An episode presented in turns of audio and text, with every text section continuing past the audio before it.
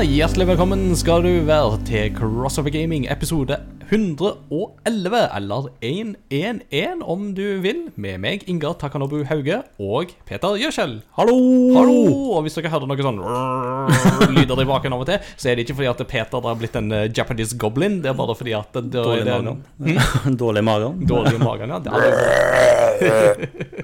Nei, nei, det er bare en oppvaskmaskin som eventuelt dere hører nå. Men eh, ja, eh, Jon Edvard eh, kjente litt behov for å ta en pause og bruke tid med kona, og da sa vi at eh, ja, helse og kona først, i den rekkefølgen. Så eh, da fikk han eh, amnesti. Til å, gyldig fravær, heter det. Jeg prøvde å lage podkast mellom der, men det fikk ikke lov til. Nei.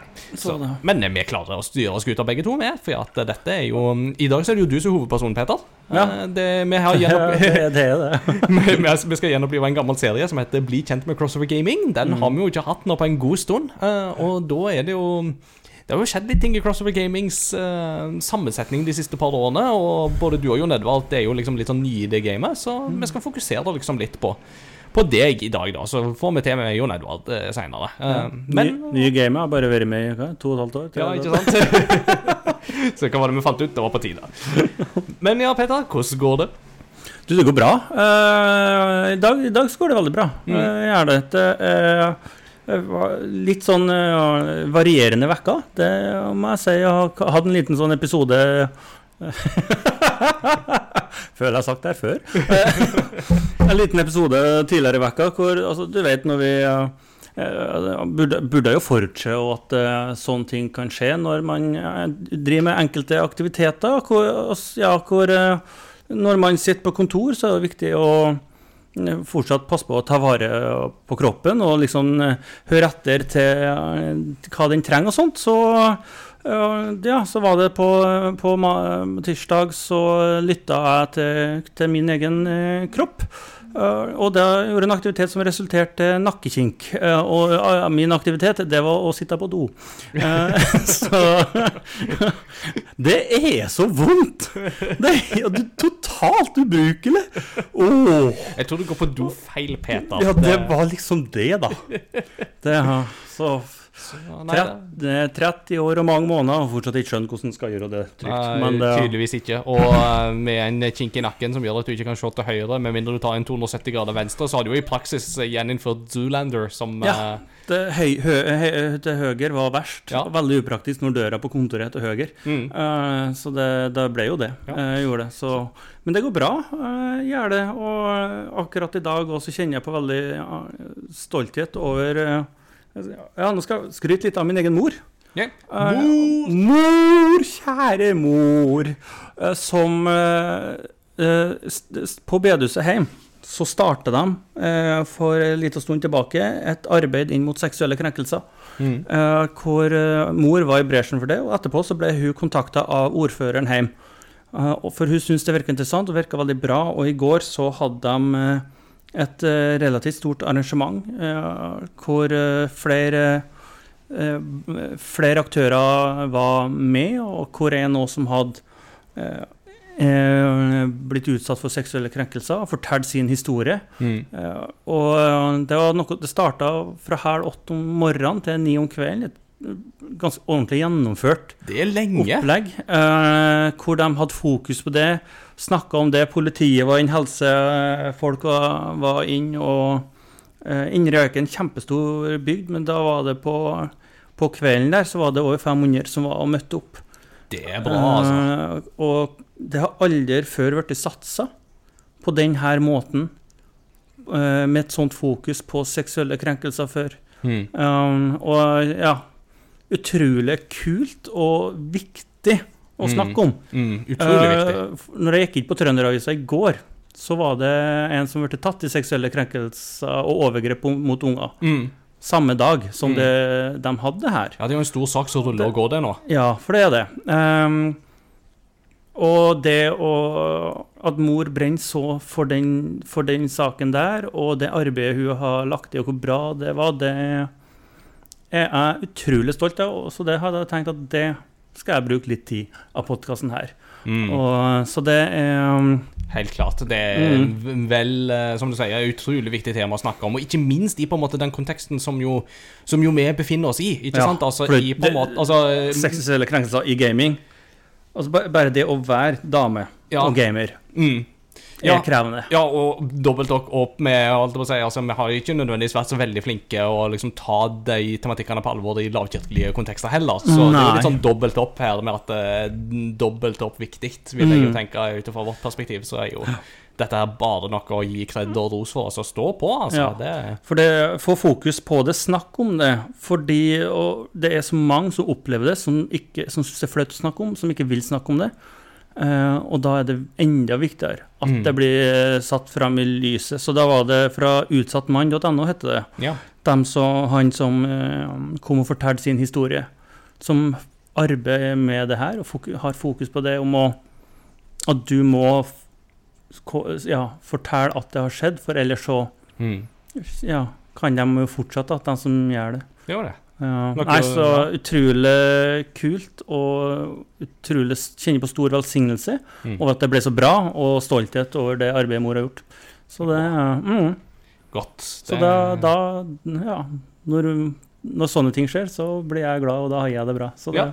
Det er bra. Mm. Og da får det heller våge seg med litt kink i nakken. Så tenker jeg ja, det- da tar jeg den. Ja da. Det er sm small, small price to pay, Mm. tenker jeg. Så varierer opp Én nedtur og mange oppturer. Ja, det er bra. Mm. Eh, Men du, Ingar, hvordan går det? Du, i dag eh, så er det veldig opptur. Eh, og for at når jeg sier i dag, så er jo dette Vi tar jo opp på en torsdag. Mm. Mhm. 14. september. Og Ja. 14. september 2023 blir en veldig viktig dag for de av oss som er glad i japansk baseball og mm. laget Hanshin Tigers. Capsen din uh... Ja, capsen er på. Det er ikke bare pga. bad hair days. Mhm. Eh, Når går en bad hair day til å bli en bad hair do? Det er jo et, et av Mm. Ja, livets store spørsmål. Eh, men eh, jeg har jo tidligere snakka om at jeg har jo en forkjærlighet for japansk baseball, og Hanshin Tigers er jo mitt lag. Og Mm. du kan ikke anklage oss som heier på Tigers for å være medgangssupportere, for å si det sånn. Nei, det de, de vant hele greia, altså Japan Series, som er liksom sluttfinalen, vant de i 1985, og siden har de ikke vunnet. Eh, men de har vunnet den ligaen de spiller i, som heter Central League. Den har de vunnet et par ganger. De har vunnet den i 2003, og så vant de den i 2005, og så gikk de videre til Japan Series i 2014 fordi at uh, du har et sånt sluttspill som heter Climax Series, der de tre beste lagene i hver liga spiller om å gå videre til toppfinalen. Ja. Uh, og Tigers har klart å komme seg til toppfinalen Japan Series på den måten i 2014. Stemmer. Men uh, de har da ikke vunnet Central League, altså sin liga, siden 2005, før i dag. Og det er da 18 år siden sist, og de er så on a roll akkurat nå. De har da, med dagens seier, så var det 11. seieren på rad. Ja. Og på toppen av det hele, den seieren i dag var da mot erkerivalen Yomyuri Giants fra Tokyo på hjemmebane. Det, det, det, det, altså det er som en, eh, en eh, klisjéfull kristenfilm. Ja. Det er sportsfilm. Det Det er er, bare, bare, bare så cue, Shit, det- cue temasangen til Chariots of Fire her. Nei, men er altså, det, det er utrolig artig, og det er så gøy fordi at den kampen som gikk i dag òg altså, Det var ikke sånn at Giants lo Altså, Tigers tok ledelsen, men det var ikke sånn at Giants lot de vinne lett, for de pusta de nakken helt opp til Mm. siste omgang, men så gikk det til slutt, og da var det bare å la seieren eh, gå løs, og i beste Mm. engastil så blir det bare sånn Yes! Ja. OK, tilbake til jobb. Ingar han var ferdig tre, tre minutter over tre i dag fordi han må ta igjen dem, den feiringa han hadde. At det, Mm. Du får det til å høres ut som jeg har en tre minutter lang feiring så langt. Men, uh, nei, nei, men altså, dette er, dette er stort. Det er stort. Og det er kjempestort. Ja, ja. Også, også, men altså, nå er det jo Japan Series som er på en måte det neste. da Altså, De må jo kvalifisere seg til Japan Series i, Mm. i dette her. Ja.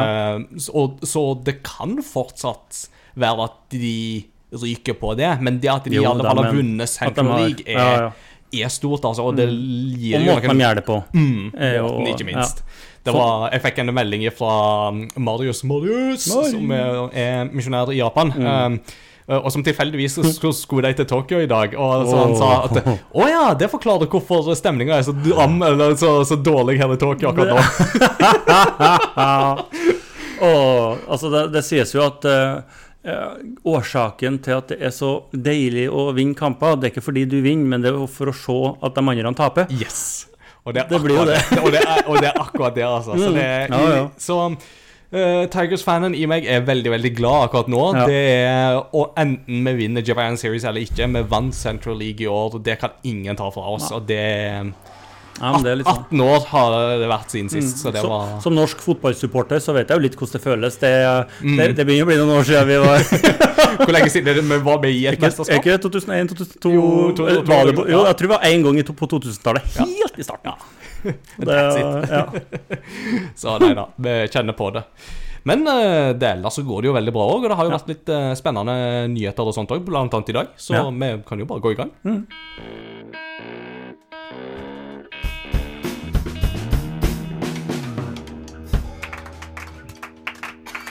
Ja. Eh, himmelsk lyd fra ungdommene. Eh, nå er det ukens kunngjøringer. Det skjer mye rart i uh, spillbransjen uh, disse ukene her. Uh, og noen av sakene er jo under utvikling, til og med. Så det kan jo hende at det, det er utdatert når dere hører denne podkasten. Hvem vet? Fortell oss. men vi kjører i gang. Vi begynner med Embracer Group. Det er jo dette svenske selskapet som jo har kjøpt opp både rubb og stubb her og der, og hist og pist, og det er jo ikke måte på hva de har kjøpt, med alt ifra på en måte småselskaper til THQ Nordic til Ringenes herre-lisensen til mm. Det er jo ikke en måte på. Og så ble det jo kjent tidligere i år at um, de hadde egentlig en avtale på to milliarder dollar som røk. eh, og det viste seg jo at det var jo med det saudi-arabiske oljefondet. Og det har jo fått uh, svi for seg. Så det betyr at de har jo plutselig masse tap som de må dekke opp. Eh, og det betyr at uh, det er dessverre noen studier som blir lagt ned. Og et av studiene som nå legges ned, er da Volition Studios, som da legges ned etter 30 års drift. Dette er et studio som annet er kjent for Red Faction-serien, men kanskje aller best kjent for Saints Row-spillene, som jo har vært en slags eh, et slags alternativ til GTA, eh, har jo Ja. mange kalt eh, de spillene, blant annet. Så det er jo Og det er, bare, altså, det, er jo, det er jo relativt store spill. det er jo det. Eh, det er kjempestore spill. Men de prøvde seg jo på en reboot av Saints Row i fjor, og den gikk jo ikke så bra. Eh, og da var det dessverre slutt, altså. Og dette er jo sånn som gjør meg veldig bekymra. Altså, Én ting er jo det at det er jo aldri kjekt når spillestudioer går dukken, syns jeg. Det, mm, er jo alltid Nei, det- trist med folk som mister jobb og den slags type ting. Eh, men det er jo noe med at det, når Embracer Group går dårlig nå, så er det jo mange prosjekter som er i faresonen. Og blant annet så har jo jeg veldig lyst på den remaken av Star Wars Nights of the Old Republic som de holder på med. Så det er jo litt sånn spennende å se. Og apropos Embracer Group, så vil jo ryktene ha det til at Borderlands-utvikler Gearbox muligens skal legges ut for salg i nærmeste framtid. Så det òg er jo ikke et lite studio, for å si det sånn. Ja. Eh, du er jo Hadde du spilt i Borderlands, forresten? Spilt ett, Ja. så jeg kjenner godt til den verden der. ja. Av alle ett spiller du har spilt, så har du spilt ett mer enn meg. Så ja. så der har du Og det er ganske åpen verden, så det er, mange, det er ganske mange timer mer enn jeg òg, da. det, ja, det, det er ikke lite eh, innsats man legger ned i et Row-spill, det er det ingen tvil om. Um, videre så går vi til litt sånne småannonseringer som har kommet. Um, blant annet uh, Final Fantasy 16 kommer til PC, har blitt bekrefta, og det får to utvidelser. Dette melder da uh, Yoshi P, som han jo kalles, uh, utvikleren av spillet, uh, under Pax West. Videre så er det noen eh, annonseringer som har kommet. Arcane, League of Legends-serien, eh, får sesong to vinteren 2024. Det gleder vi oss til.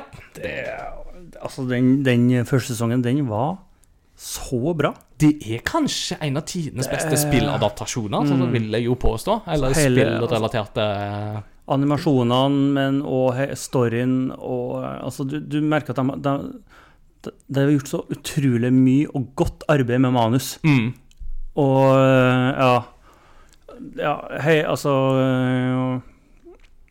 Nei, utrolig rå scener. Mm. Altså Kampscenen mellom Jinx og andre barndomsvenner. Mm. uten å se noe mer enn det, det er noe av det kuleste Det, det, som har vært på skjermen er, på lang tid. Det er heftig, altså. Katta, så rått det var.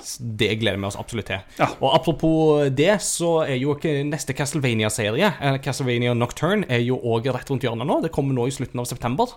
Eh, Fikk jo en to og en halv minutter lang eh, trailer for ikke så lenge siden, så det òg ser amazing ut, altså. Det er òg en sånn serie som jeg gleder meg til. Eh, videre så har jo Hogwarts Legacy 2 blitt bekrefta at det er under utvikling. Det er jo greit å nevne. Vi har jo spilt det begge to og har Ja. jo likt det sånn passe bra. Eh, og det er visst eh, Altså, nå fikk jeg mail, jeg tror det var i går eller i forgårs, fra platekompaniet, som nå mente det at Hogwarts Legacy på Switch skal kunne kjøpes fra 14. november. Og det er sånn, OK, ja Jeg visste ikke at det var satt en dato, men uh, Spennende. ja, you heard it first here at eh, Crossover Gaming. Uh, we have no guarantee we're right. Det- Ta det med en spade salt. Ja da. Det er spennende. Ja, siden det altså det, det, det er ikke det spillet som har glidd best eh, på veldig mange noen av konsollene, egentlig. Så det er jo interessant hvordan, de får det, hvordan det blir på Switch. Mm, det, jeg er veldig spent på den tech-testen, for å si det mildt. Eh, videre så har det blitt annonsert en uh, ny versjon av Disney-spillet Gargoyles, som var et uh, spill som kom på Sega Megadrive uh, i sin tid. Du, det var egentlig basert på en sånn Disney-serie som jeg, tror ikke det var så mange i Norge som fikk sett den, men det var en sånn serie med sånne Nattens voktere, der du har sånne gargoyler sånne som er på kirketårn og sånt i Notre-Dame og eh, lignende, som Ja. da etter å ha vært liksom forsteina i tusen år, så våkner de til live og skal ta opp igjen kampen for å beskytte menneskeheten mot ondskap. Når det skjer Nei, ikke det hadde, det hadde ikke noe skjedd. Nei da, med, med disse heltene her. Yeah! Yeah! Um, fikk et spill på Sega Mega Drive uh, som var veldig bra, uh, og visstnok òg veldig veldig vanskelig. Så Derfor er det jo Ja. veldig bra at den nye versjonen Der kan du spole litt fram og tilbake i tid, og veksle mellom gammel og ny grafikk. Så det blir veldig kult. Kom Kommer 19.10 til samtlige plattformer. Eh, En annen ting som kommer i relativt nær framtid, det er Death Stranding. Altså Hidio Kojima sitt eh, spill. På iPhone 15. Vet, Ja, iPhone 15 skal støtte Death Stranding, og ikke bare det. iPhone 15 skal òg faktisk støtte Resident Evil 4, nyversjonen. betyr, betyr det at for at du skal klare å spille liksom, nyere spill på Apple, så må du kjøpe deg mobil? For du får ikke til å spille på Mac, gjør du Nei, det? nei. Det, det sier jo sitt. Ja, det koster jo like mye. Ja, ja. Det gjør det jo. Det, er- iPhone 15 ligger fra 16 000 oppover. Ja, sannsyn- sannsynligvis. Det overrasker meg ikke hvis de gjør det. Uh, og da kan du iallfall spille Death, Death Stranding på det. Så Ja. mm, hvis du har behov for å se Norman Readers Edition, så er jo det et veldig godt uh, En god måte å gjøre det på mens du er på reis. Er bare sånn, nei, nei, nei, det, det, er et spill, jeg lover. jeg lover Det er ikke noe shady.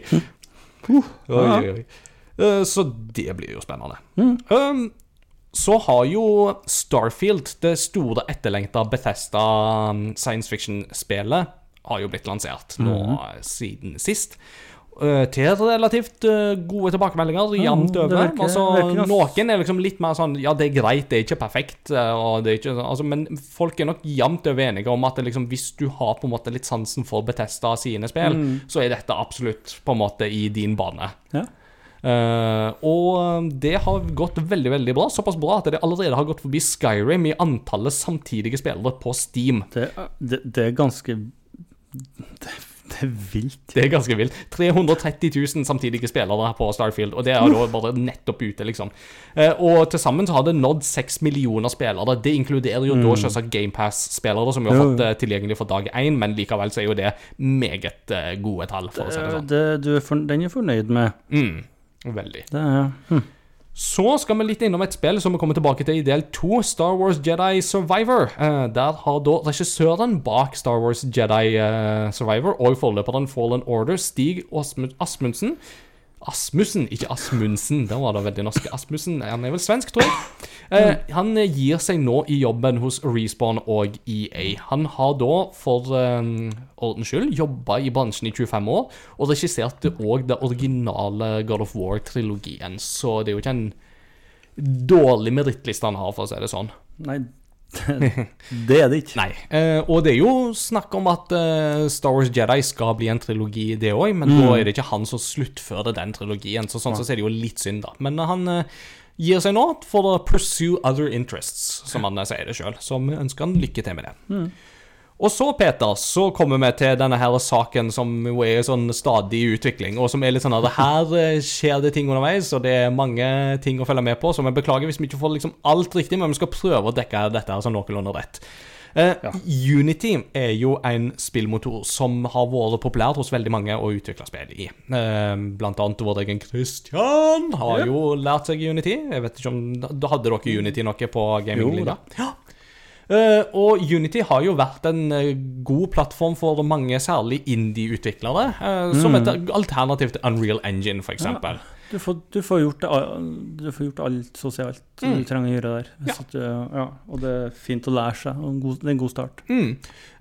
Det kan det jo fort bli ganske dramatiske endringer på, for Unity innfører en betalingsløsning der det påløper en avgift når spilleren laster ned og installerer et spill som er utvikla i motoren. Eh, hvis du avinstallerer og reinstallerer spillet, så skal det angivelig fortsatt telle som én installasjon. Eh, og eh, de presiserer at det er utgiveren som skal ta på seg denne kostnaden, og ikke utvikleren. Men det er jo likevel snakk om ganske store summer dette kan bli på sikt. Noe som jo fort kan gjøre Unity til en veldig upopulær konsoll å lansere Nei, en upopulær grafikkmotor å benytte. Rett og slett fordi utgiftene her blir så store at Ja. det er litt sånn at du blir tatt betalt for. Og, og, ikke bare det, men altså, dette her får jo visstnok òg en slags tilbakevirkende kraft. Sånn at det er ikke bare spill som lanseres etter 1.1.2024, tror jeg det er, som blir ramma av dette, men det er òg spill som er utvikla i Unity og lansert lenge før de da kom på at denne regelen her skal finne sted. Og Helt og da er jeg litt sånn her Ja, men i alle dager, det kan du jo ikke Altså, tenk på stakkars småstudio som òg Ja. publiserer spillene sine sjøl.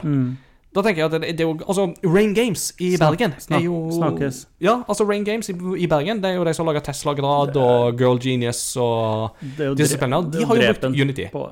Det, det er jo aldeles katastrofe for et så lite studio å få den ekstrautgiften på toppen av det hele. Ingen, jeg, jeg klarer ikke å se for meg at noen har interesse av å Av å gi ut spill med Unity. Nei.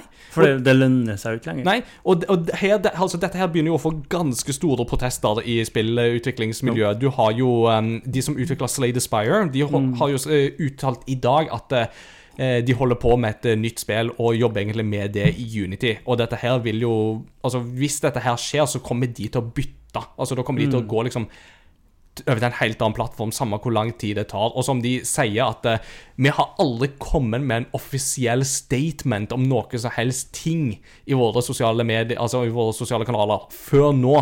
Så Unity, dette er så mye som dere har rota det til. Uh, og de brukte litt hardere ord enn det for å si det til. sånn. Det, det vil jeg nesten forvente Mm. eh, at de gjør. Men det, det, det er jo bare toppen av kaka, det her, da. Ja, ja, og, Det blir verre. Ja, da, og altså, at, ja, for det blir verre. Og, og ikke bare det, men altså, bare for å vise hvor langt noen indie-utviklere vil ta det, så hadde jo fjorårets eh, kulthit Cult of the Lamb eh, Kulthit? eh, de har jo gått ut med det med at ja, men hvis dette skjer, så kommer vi til å ta vekk spillet vårt fra 1.1.2024, så da selger vi det ikke lenger. Så, så, så kraftige kost kan dette bli.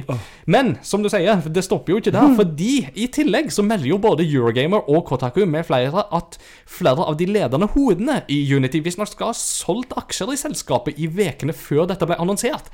Noe som jo tyder på altså, det, Det er så shady. Altså, hei Unity, Ola Borten Moe, Anniken Huitfeldt ringte. De vil snakke med dere om noe som heter innsidehandel. Ap. Så du skulle nesten tro at de hadde snakka med norske regjeringer. Det, det, det er helt absurd. Og, og det er jo klart at hvis dette her viser seg å være tilfellet, så altså, det her kan du fort sitte med en situasjon der en motor som har vært utrolig viktig for mange spilleskapere, rett og slett går, i verste fall, at det går ad undas. Og at det er et annet Ja. selskap som kjøper opp restene i dette her, mens du har noen topper som stikker av med noen feite bonuser fordi capitalism, baby. Jo, altså det, det her, de, har, de kjenner rått på det her, og så gjør de en endring så at det går dadunda, så ingen andre kan eh, Mm. ja. Så det er jo Jeg vet ikke hvor jeg skal snu meg i dette, her, men altså, det er jo det, Altså, de har møtt sterk motstand, motstand internt. Det har òg kommet fram. Så det, dette er en sak som ikke kommer til å gi seg med det første. Altså, dette kommer jo til å rulle og gå. Og det som er så rart i dette her, er jo det at eh, jeg skjønner liksom ikke hvorfor noen i Unity tenkte at dette er en god idé, fordi Unreal er jo virkelig på liksom ballen, og de, altså, de kaper jo andeler både hist og pist. no. Eh, og gjør det jo kjempebra. Og da, er det jo, da må jo ikke Unity gjøre seg sjøl mindre populære, de må jo gjøre det motsatte. Kan jo være det toppen har tenkt på. At uh, Unreal kommer til å ta over markedet. Vi, vi tar med oss det vi kan, og så Ja, altså taper det konspirasjonsfatten konspirasjonshatten, så synk, Så synk, synker vi Ja, nei, ja. Ja, men altså, det- det kan fort være det at de bare sånn der det... Det, det hadde i hvert fall gitt mening. At de har bare tenkt Du, det her kommer ikke til å gå. Det- det- Nå det- kan vi fortsatt tjene rått på det. Det er litt sånn brenne ned, brenne ned sitt eget, eh, i sin egen butikk for å få forsikringspengene. Ja. Litt den typen. Det er jo det, Jeg skulle ikke si lovlig forsikringssvindel, men jeg vet ikke det, det, det, det, Innsidehandel er ikke lovlig! det, det er altså det, Hvis det er lovlig, da er det tynt. Ja. Eh, Denne saken er jeg ganske sikker på at den gir seg ikke med det første, så det blir jo spennende å se hva vi har å si om to uker om dette her. Ja. Så eh, la oss gå og skifte tema til litt hyggeligere ting. La oss eh, først snakke om eh, State of Play, som eh, Sony PlayStation skal ha, der de viser fram eh, sine ting. Hva viste de på den? Nei, you tell us, fordi at eh, i det vi spiller inn denne episoden, så har ikke den vært ennå. Men vi har akkurat fått med oss Nintendo Direct, som var òg i dag. Så Det var middagskosten vår, det. ja, det var det. Det var var Kjempekoselig. Ja, kjempekoselig. Sitte og spise middag, og så satt jeg og skrev notater underveis. Og... Og jeg åt mat. Ja, Så- og jeg òg spiste mat, da, men Takk for maten. ja, bare hyggelig. Ja, Men uh, la oss bare gå igjennom eh, litt disse tingene her. Eh, og så stopper vi opp med det som jeg syns er liksom ekstra interessant. Mm. Splatoon 3 får uh, mer DLC-innhold som heter Side Order, som kommer våren 2024. Ja. Ja, det er litt sånn um, Jeg, synes, jeg lurte jo et øyeblikk på om dette var en sånn Near Automata-crossover, for det var litt sånn i looken som var veldig lik, men Ja. Uh, ja. Det mista en del av fargene sine, så det var, det, var, det var litt sånn Det er kult, men nytt. Mm. Uh, Blekksprutår, ikke helt min greie. Mm. det, Blekkspruter for å spises, ikke tas på håret. Ah, det er så seigt. Ja, det er det. Så går vi videre. I forkant av denne directen så var det jo blant annet rykter om at det skulle dukke opp noe Mario versus Donkey Kong. Og det stemte. Mario versus Donkey Kong gjenoppstår. Dette er jo en serie der Mario må navigere sånne der hinderløyper satt opp av Donkey Kong for å samle sånne små trekkopp-roboter av seg sjøl. og det fikk vi se litt her av. Du var ikke helt overbevist. Uh, Nei, altså, det begynner Ja, altså det, jeg, jeg virka kanskje mer negativ enn det jeg var. Uh, det jeg liksom tenker at det her, det her er ikke veldig nytt. Nei. Uh, eller sånn, du, du Samtidig som du Ja, det er jo gode, gamle Mario-oppskrifter. Ja, kult måten en del av det er bygd opp eh, på, Leveland. Og, men altså, Mario, jeg syns jo det er god stemning uansett. Jeg kommer til å kose meg med det. Mm. Så det blir jo spillet. Og ja, altså ja. Mm. Jeg hørtes kanskje mer negativ ut enn det jeg var. Nei, men det er godt. Ja, Det, det- det er lov å være negativ, da. Det skal vi jo komme litt tilbake til. Å ja, men da så.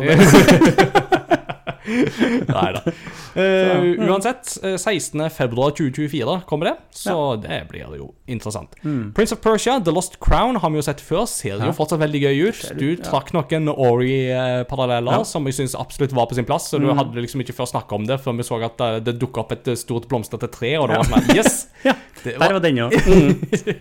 men det er ikke en feil eh, sammenligning å få. Nei, til og med prosjektilene som kom ut. av- Men er- det, det er kvalitet. Ja da, altså, du må da, hvis de har klart å lage seg på den linja, da, da er det godt. Da blir det fint, vet du. Da blir det fint å være både Peter og Ingar 18.1.2024. Yes.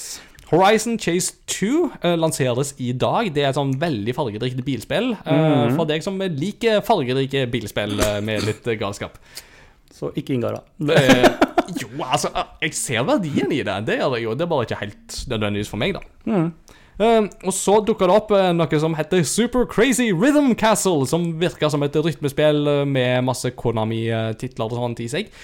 På papiret så burde jo dette vært noe for meg, men det var jeg klarte ikke helt å bli overbevist av det jeg så. altså Det virka litt for tamt sammenligna med en del andre sånne rytmespill som jeg liker. Ja. Men vi får se. Eh, Jeg fikk ikke helt med meg når det lanseres, så det er noe så. Eh, Spy Family har jo vært en anime-serie som har vært både populær eh, de siste årene, og som jeg i fall har kost meg veldig godt med. Jeg kan anbefale den varmt hvis det sånn hvis du bare skal begynne med anime et sted, så er Spy Family et veldig godt sted Ja. å begynne. Det kunne ikke være noe mest Ja, ja det er hun som eh, best. Det er helt riktig. Hun som bare kommer med masse stavelser. Anja, som hun heter. Og hun får vi da spille som i eh, Spy Anja Operation Memories. Ja. eh, som virker som et litt sånn koselig spill. Kanskje liksom ikke helt sånn veldig holdt jeg på å si substansielt, men ja. som en sånn god sånn filler-tittel til denne serien, så tenker jeg at ja, det er helt greit. Ja. 2024 på den. Vi fikk se mer av Super Mario RPG, ny Ja. versjon som kommer nå i eh, november. Um, der fikk vi se liksom litt mer, blant annet noen av disse nye tingene i spillet, sånn som triple moves, der Ja. alle de tre figurene du har i partiet ditt, går sammen om et superangrep når en måler blir fylt opp. Mm. Ja. Så um, det er noen sånne kvalitetsforbedringer som de gjør, men Mm. det virker jo samtidig som en veldig tro remake av det gamle spillet her. De holder seg til oppskrifta, liksom. Mm, Ja, men- det gjør de. Ja. Eh, så var det um, en um, Så var det Another Code Recollection eh, som da kommer ut. Det inneholder da de to DS-spillene Another Code, som da var Trace Memory og Another Code R. Eh, og altså, du, du pitcha opp på dette med at du likte artworken på Mm. de spillene her, og det må jeg jo si at jeg òg var veldig enig i. Det så fint ut, altså. Ja, det var veldig pent. Ikke for overdrevet japansk, eh, Nei. som noen kanskje vil si. ikke sant? Altså En veldig sånn behagelig japansk stil. Mm. Uh, og Another Code var på en måte Jeg husker jo disse spillene her på DS, for det var noen av de første altså Særlig det første av de var jo et veldig tidlig DS-spill Mm. som tok DS-en i bruk for nettopp det å løse opp gåter og mysterier og sånne type ting, som Ja. jo man etter hvert fikk mange spill av på DS, men Another Code var liksom et av de første som klarte det ganske bra. Ja. Så jeg syns det er veldig gøy at den, de to spillene nå blir lansert. Og Another Code R har visst ikke blitt lansert utenfor Japan før, hvis jeg skjønte det Nei. riktig. Kult. Så det er jo ekstra gøy. Ja. Um, det kommer 19.1.2024. Og så fikk vi se Princess Peach Showtime, som jo er det nye spillet med Princess Peach i hovedrollen, som ble teasa i sommer, men som vi ikke fikk se så mye mer av. Ja. Nå fikk vi se en god del mer. Det er Ja, jo et det er eh, teaterstykke der Peach Peach må hjelpe til å løse ting, og blant annet så får hun ta i bruk uh, forskjellige sløyfer som hun har i hodet, og eh, kostymer som hun får ta på seg. Hurra! Ja. altså, det, det gir meg et eh, gøyalt kostyme, så er jeg alltid om board, jeg, altså. Eh, 22. Det- mars 2024. Men eh, hva tenker du her? Uh, det ser utrolig koselig ut. Det gjør det. Samtidig så syns jeg at det virka litt som et billig, bi- litt billigere Louis Mansion. Mm. Uh, hvor Altså at du, du Jeg følte at de, de har lagt utrolig mye mer arbeid i Luigi's Mansion. Mm. Eh, altså, det er, altså, igjen, det er vakkert å se på alt sånt der, uh, men det jeg tenkte når jeg, når jeg hang meg oppi det, det var sånn at det minner veldig om et, eh, et, et mobilspill du betaler for. Mm. Uh, gjør det. Og så er at det her er et sats, satsespill antakeligvis på å nå jenter. Ja. Og ja, unge og voksne Mm. Og jeg, og jeg, jeg Mm. tenker jo det at eh, Peach har jo ikke fått hovedrollen så veldig ofte. Altså, du hadde jo faktisk et uh, Super Princess Peach-spill Ja. på DS, eh, og det var jo i og for seg et gøyalt nok plattformspill. Mm. Selv om du kan diskutere liksom hvor liksom Al altså, når en av superkreftene hennes var at hun grein, sånn at eh, altså, da Der at- har det skjedd mye, da, i hvert fall. Ja, ikke Altså, sant? og Det, det, der føler jeg at dette ja. spillet er mer på hugget. Noen av kostymene er, er, ser bra ut, og de er kule, og det, ja, eh, det gir mening. Mm. eh, og sånt, og det er veldig fint når du har spilt en kvinnelig karakter, at klærne og sånt gir mening. Mm. Uh, og da snakker jeg ikke om at det skal være en tilfredsstillelse for oss mannfolk, men at det faktisk gir mening for den karakteren hun er, og det hun skal gjøre for For å ta tilbake til starten, da, seksuelle krenkelser. Det, altså, altså, kjære vene. Det, det, det virker som at de er er mer, de er mer eh, på hugget her, eh, Ja, kan du si. så det jeg synes, så, jeg- så på, Ja, nei, positivt. Mm. Men jeg skulle ønske at uh, jeg fikk litt inntrykk av at det var satsa på, ja, på lik linje. ja, at produksjonsverdien var høyere. Ja, ja. på lik linje som Luigi's Mansion. Ja. Det, men det er meg, da. Ja. Eh, Jeg er veldig spent på å se hva internt studio hos Nintendo som tar seg av dette spillet, for det kan ha mye å si i dette her. Ja, det er sant. Mm, Så- Absolutt. Mm. Så var det litt uh, forskjellige nyheter. Um, Saga Emerald Beyond, som er et nytt spill i Saga-serien. Det er et sånt japansk eh, rollespillserie som eh, var veldig stort på Super Nintendo spesielt, og litt på første PlayStation. Eh, og, som alltid har sunket litt eh, ikke sunket under jorda, men alltid gått litt under radaren på mm. en del. Altså, Jeg har ikke spilt noen av sagaspillene, f.eks. Ja. Kom i 2024. Mm. Uh, videre uh, Tomb Raider 1, 2 og 3 Remaster Ja. Collection. Det var en litt sånn artig, liksom liksom bare- uventa vri. Det var liksom ikke bare en Tomb Raider altså det, nå, vi, jo- nå skal vi tilbake. Ja, helt tilbake, Nå er- rykk tilbake til start. Ja. Med Det er trekanta Angelina tilbake. Med trekanta fordeler og Ja. ingen, bakdel, skulle jeg til å si. Nei, ja, men ja, ikke så kantet, nå, ikke så kantete lenger. nei, nei, fordi at du kan veksle mellom gammel og ny grafikk. Ja, det kan du, og det, er er kult. Ja, veldig og spesielt hvis at du har hatt en stor forkjærlighet for det spillet som liten, Mhm. Og, innfør, og så kan du da innvie det til den nyere generasjonen. Mm. For da er det, det er litt mer appellerende, med at ting skjer litt mer smooth. Men fytti katta, det var jo så ekstremt realistisk Ja, ja, når det ja. kom. Åh, åh, altså, det var jo som å se! Ja, eh, en T-rex og det var, Mm. liksom, og, Ja, det var jo helt eh, fenomenalt. Nei, men veldig, jeg syns det er gøy at det får eh, en sånn Når gamle spill gis ut på den måten, så er jeg Mm. alltid med. Ja. Det syns jeg Og det virka som en veldig lovende produksjon. Det var Mm. Asper som har gitt ut dette, Ja. eller som står bak dette her. Oppli den gamle, det er fint, det. Mm. Eh, Detective Pikachu Returns, det har vi jo sett eh, før. Det fikk vi se litt mer av nå òg. Kommer Mm. 6. oktober Ja, eh, Tomb Raider kommer 14. februar, forresten. Ja, jaha. Detektiv Pikachu kommer 6. oktober, eh, og virker artig nok. Jeg er fortsatt ikke helt 100% solgt på det, men jeg syns likevel at konseptet er gøy nok til at eh, dette kan fungere. Det, ja, vi får se. Mm.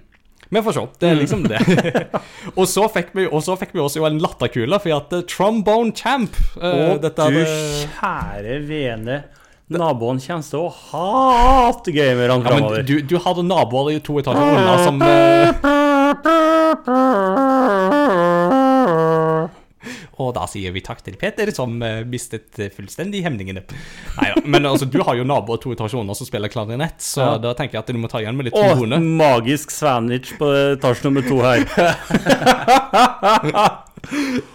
uh, som en som faktisk har bodd i etasjen under her, så beklager jeg til Så jeg får se om generalsekretæren angrer litt på at han flytta inn. At den, Eh, men altså, Trombone Jump var jo Mm. et sånn, en artig kuriositet som kom i fjor, der du jo skal spille forskjellige sanger med trombone, og uansett hvor bra du spiller, så blir det alltid fint. Det er jo litt av gimmicken i dette her. Mm. Eh, og på toppen av dette her så har du nå joycon-støtte, sånn at du kan holdt på å si, holde opp en joycon, og så kan du skyve hånda fram og tilbake, omtrent som en trombone. går ut. Og, og det beste av alt, det får fireplayer-støtte. Altså, det er det helt grusomt. Ja. Jeg gleder meg så sykt. Altså, hvis ikke det lukter party, så vet ikke jeg. Altså, når du får en trailer hvor de spiller falskt, Ja. da er det helt Åh, en, av mine favoritter, en av mine favoritter til dette her Det er jo de som jo har spilt dette her på PC, og så har modda inn at de spiller sånn som One Winged Angel fra Final Fantasy 7. kjære. Åh, det er så grusomt, og det blir så bra. Og det er så grusomt, og det blir bra. Ja. Eh, og det er ute nå, så du kan spille allerede nå. så yeah. La Um, nabokrangelen begynne. Ja da. Apropos krangel. Eh, hvis du har lyst å spille en Moba, så er Battle Crush en uh, mulighet for deg fra 2024. Ja. Så ut som en Moba, Mm. Så jeg har ikke så mye mer å si om det. Ikke Ingar sin sjanger, altså. Nei, ikke min sjanger. Det, det er litt sånn jeg, Nei, jeg, så, jeg så ikke noe her som klarte å skjelle det, skille det ut. Interessant. Og så Moba med fugleperspektiv. Ja. Og det er jo, det er jo interessant. Ja det er det jo. Mm. War Tales, uh, som eh, virker som en sånn uh, samla en gruppe og Live to Fight Another Day, eh, kommer i dag. Uh, Konsolleksklusivt på Switch eh, en tidsperiode, så vidt jeg forsto. Eh, og så kommer det en uh, ny versjon av det første Contra. Uh, kommer, uh, Contra Operation Faluga. Som da um, Contra er jo en sånn klassisk sånn uh, shoot them, uh, shoot them up. Eller sånn um, run and gun, mener jeg. Eh, Ja. Sånn du går rundt og skyter. Eh, s- Typisk sånn Arnold Schwarzenegger og Sylvester Stallone går rundt og skyter aliens. Det er egentlig det som basically er premisset for Contra. Eh, og det får den nye versjonen som kommer Jeg vet ikke om de satte dato for det, egentlig. Eh, men jeg stussa jo litt på at det var sånn der Jeg håper det er videoen som hakker i dette, her for det så ikke ut som en stabil performance. Nei. Der må de arbeide litt. Mm. Det er litt trist at det, at det er det som vises på en sånn eh, Ja, Mm. nå skal du liksom vise noe som vi skal glede oss til, og så er det, ser det janky ut. Ja, men det er jo, altså, det er jo meget sannsynlig at dette kommer til andre plattformer òg, da. Så um, da kanskje Switch den og unngå for akkurat denne tittelen. er en mulighet. Eh, Så fikk vi se en tittel som kanskje Det vel kanskje den tittelen fra sendinga som jeg gleder meg mest til. Det er Unicorn Overlord, som kommer 8. mars 2024. Og tittelen var litt sånn, litt sånn søkt, men uh, dette er da Vanillaware sitt nyeste spill. Og Vanillaware de har laga noen av mine jeg skal ikke si all time favorites, men noen spill jeg er fryktelig fryktelig glad i. Uh, Deriblant Odin's Fair, Muramasa The Demon Blade og 13 Sentinels Ages Rim, som jo var et av mine topp ti-spill fra 2021. Og dem, ja. Oh, dem, ja. Men altså, greia med Vanillaware er at de har en sånn veldig sånn særegen håndtegna stil på alle sine spill, som de er mestre til å få til live. Ja. Og Vanillaware er kanskje også noen av de beste i spillbransjen til å lage mat. Altså sånn mat i spillet som Jeg så, ser god jeg, ut. jeg, jeg så det. Jeg var glad jeg ikke var sulten. For Ja. det, det vært Ja. Mm. Og, her, og denne gangen så går de i tactical RPG-sjangeren. Så da er det mer sånn som Tactics Ogre, Triangle Strategy, Fire Emblem, Fire, Final Fantasy Crystal Nei, ikke Crystal Chronicles, men Final Fantasy Tactics. Den skolen der. Jeg gleder meg. Jeg skal definitivt sjekke det ut når det kommer 8. mars 2024. Og så da skal jeg sitte og høre på at du snakker om det. Så Ja. det ordner seg. Det, du slipper ikke unna. Men eh, kanskje du heller vil spille Luigi's Mansion 2 når det kommer? Det kan godt hende. Ja. eh, jeg tror ikke det ble satt noe dato annet enn 2024, men eh, det, jeg likte det jeg så. Dette Ja, er jo et gammelt 3DS-spill som nå får en ny drakt. Ja, da, altså kjent, kjent oppskrift og veldig trivelig. Og Luigi er jo eh, utrolig nusselig når han Mm. går der og er livredd, men uh, gjør det han må fordi det er det rette. Det er det. I do For- it. Ja, Forbilledlig. Mm. Eh, vi fikk se noen Amibo-nyheter, Uh, Ja. og så gikk det jo da videre til en annen ting som var tisa i forkant av uh, denne, denne presentasjonen her. Og Peter, han begynner jo å le. Eh, og grunnen til at Peter ler, er jo det at jeg tror ikke Peter har sett meg gå fra ekstase til bunnløs fortvilelse til frustrasjon så raskt. Åh, det var så nydelig. Ingar er rett i kommer Der ser dere. Peter er med fordi at eh, han trenger å jekke meg ned. Apropos skadefryd og få andre Ja, ja. ikke sant. Eh, for, Sorry, men det var bare, det var bare Altså, hvordan du bare krasjlanda. Det, Den reaksjonen der er jo kanskje det som demonstrerer at vi burde begynne å streame mer ting. Streame sånne ting som dette her. I denne podkasten har jeg snakka masse om mitt forhold til F-Zero tidligere. Mm. Ja, det er jo et av de gamle Nintendo-franchisene som jeg jo virkelig drømmer og og venter og og håper. Har nesten venta like lenge som jeg har venta på at Hanshin Tiger skal vinne ja, Japan Series. ja, du har jo det. Ja, altså, det er omtrentlig like lenge. Altså, det, det er faktisk ikke tull, men altså, jeg tror siste F-Zero-spill vi fikk, det var på Game Boy Advance, og det tror jeg kom i 2005, som var det året Tigers vant Central League sist. Eh, Så 18 år, da, i så fall, har vi venta på et nytt F-Zero. Og så har det jo vært litt sånn tisa at det kanskje skulle komme på denne sendinga, og så viser de liksom så, så konseptet her er jo at de legger seg jo på samme linje som Tetris 99 og Ja. Mario 99, som jo har vært veldig gode formler. Jo da. Absolutt. Altså, så det er jo ikke det. Men det er bare det at eh, når jeg først får et nytt F-Zero-spill, så vil jeg jo ha et fullblods state of the art, pushe limits to the max Oh, F-Zero-spill. ja. Jeg vil ikke ha et online-spill der jeg må spille mot eh, 98 andre. Mm. Eh, det kunne vært en bonus Ja. i dette her, det, men det var liksom ikke det jeg hadde drømt om. Og folk går og klager på at GTA 6 ikke kommer, liksom, og Ja. der, der går Inga, liksom. Ja, Uff, ja, hold, hold, hold meg, hold meg 7-up, sier jeg da. Ja, Nei, det var Altså ska, Skadefryden var stor, men jeg syns litt synd på det. Ja, jeg, jeg, jeg, jeg er det. Jeg, jeg er det altså. Tilgjengelig i dag, da. Ja! Så, yeah! så det blir jo interessant å se om det um, faktisk er gøy eller ikke. Mm. Men uh, Ja, du må, jo, du må jo vise dem at du har lyst på det, så må du bare spille, da. ja, for det er jo liksom det. Det- Jeg må spille ja. dette her bare for å signalisere at ja, tusen takk, jeg fikk F-Zero. Det var ikke det jeg ville ha, men vennligst gi meg men jeg liker ikke spillet på trass. Ja. Så fikk vi to uh, A League of Legends Story-spill. Mm. Vi fikk Bundle Tale og Song of Nunu, eh, som uh, iallfall det siste kommer 1.11. Og du sa jo det at særlig det Bundle Tale syns du så veldig nusselig ut. ja. Ja. Og jeg må jo si at jeg er vel for så vidt enig i det. Begge to synes Ja. jeg. Ja. Virker veldig virker spennende. Uh, WarioWare Move It kommer 3. november. Uh, der satt du jo bare sånn Hva i all verden er dette her for noe? For det var jo mini, disse microgames Ja. som de jo er kjent for, i, med alle slags rare poses og Eh, det, det, det, det, var, det var spenstige greier. Ja, ja, ja. Der har du Ja. forskjellige um, eh, Altså, Egentlig så er det jo poses, men de kalte det for et eller annet annet. Mm, eh, som ja. du liksom må innta i ganske fortløpende Mm. hastighet. Ja. Dette virker jo da i så fall til å bli på en måte veldig hva skal jeg si, joycon-betinga spill, så ikke Mm. noe du nødvendigvis skal spille med pro-controller. Joycon, også eh, som du inviterer vennene her på spill. Altså, Mm. ja, du, så, jeg tror, det, det virker ikke som et spill som du sitter og spiller for deg sjøl. Det Det hadde vært veldig rart. litt sånn som Mario Party. Ja.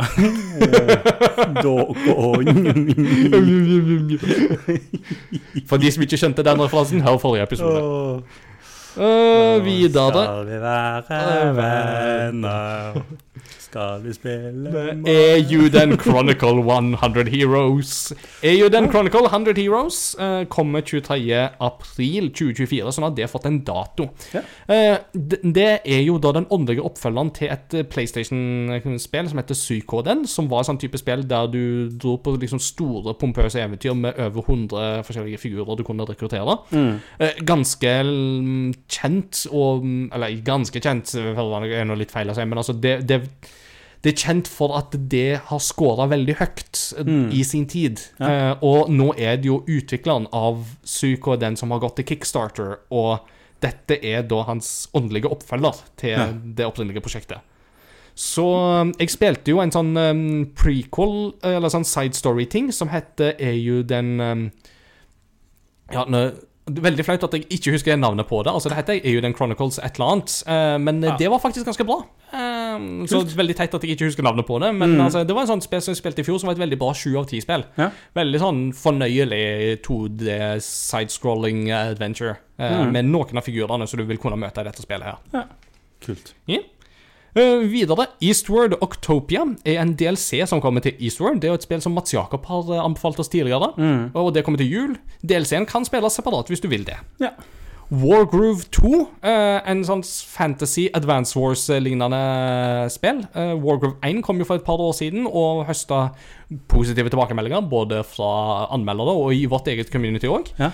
og toen kommer nå 5. oktober. Ja. Dave the Diver, som har vært sommerens store indie-snakkis, eh, kommer på Switch. Jeg tror Switch er første konsoll det kommer på av konsoller. 26. Ja. oktober. Mm. Eh, Der du spiller en eh, røslig eh, kar som eh, dykker og fisker fisk på dagtid, og driver sushirestaurant på kveldstid med fisken han har fiska. Høres jo kjempekos ut. Mario Kart 8 eh, får sin siste wave med DLC, altså Wave 6, som da eh, i alle fall byr på én bane som jeg fikk se. Det var Daisy Circuit. Mm. Eh, I tillegg til at du da får eh, figurer som Diddy Kong, Funky Kong, Pauline og Peachette. Og denne kommer da rundt juletider i år. Og det er jo da den siste bolken med baner som kommer til det spillet. Mm. Og så nærmer vi slutten. Uh, Among Us viste de et sånn nytt kart uh, og noe sånt ifra, og kommer i oktober. Soppinfeksjon. Mm. Favorittinfeksjonen min. Mm, ja da. Det er Among Us møter The Last of Us. Yep. Among The Last of Us eh, er nå en Mm. realitet. He, he, hei. Ja. Og så avslutta de jo da Nei, jeg har jo glemt å snakke om eh, det de viste med I tillegg til Amiiboene, så viste de jo Nintendo-museet. Ja Det var jo kanskje Det må vi jo kanskje Ja, si var et av de høydepunktene for denne presentasjonen her. At det, det, det, virket, det var kult. Ja, Det eh, Nintendo bygger sitt eget museum i Kyoto, som ja. er byen i Japan der de jo har hovedkvarteret. Og dette skal da etter planen åpne i mars 2024. Mm. Og altså, der, der skal vi. Neste gang vi er i Japan, så skal vi dit. Jo, Jo. selvfølgelig skal vi det. Selvsagt. Det, det, nei, ja, veldig kult. Og måten det ble presentert på, var ganske rått. Og Hvor du hadde, du hadde zooma inn på Altså, du var ikke Du, du skjønte fort at det, Du skjønte jo med en gang at det her var da en sånn eh, klosse fra Mario. eh, med sånn spørsmålstegn på. Så, og så zooma du utover, og så fikk du liksom se hele boksen, og så etter hvert så begynte du å vente litt, det her er tak. Mm. Og eh, så var det da bygget på det museet, Mm. eh, som de viste ovenfra. Eh, så det var Og det er et museum hvor man skal vise fram mye av historien til Nintendo med Mm. konsoller og det ene og det andre. Mm. Det blir kjempespennende. Ja, det var, var utrolig, utrolig rått. Mm. Det hadde vært gøy å bare liksom reist og lage en reportasje på det når eh, det åpner, eh, Ja. faktisk. Så eh, vi får krysse fingrene for at det kan la seg gjøre. Hvem vet? Det må vi få se. OK, da. Men eh, høydepunktet for mange, tror jeg, var nok likevel eh, Nintendos eh, One Final Thing. Og det var at de viste en en relansering av Paper Mario The Thousand Year Door, som da kommer til neste år. Dette er jo da et eh, Mario-rollespill som kom ut på GameCube i sin tid, og som i- har òg høsta utrolig gode tilbakemeldinger. Eh, Det er Mange holder det som et av tidenes beste rollespill, et av tidenes beste Mario-spill, et av tidenes beste GameCube-spill. Eh, Så dette er et spill som har veldig gode meritter. Eh, Og dette er jo et spill som har vært på min to play-list i alle herrens år. Jeg har jo til og med skaffa det i GameCube-samlinga, men jeg har ennå ikke somla meg til å spille det. Så nå er jeg veldig klar for å hoppe på dette her. Det virker til å være en ganske tro relansering. Mm. Så um, ja, det, der tror jeg det var veldig mange som eh, ble glade, for å si det sånn.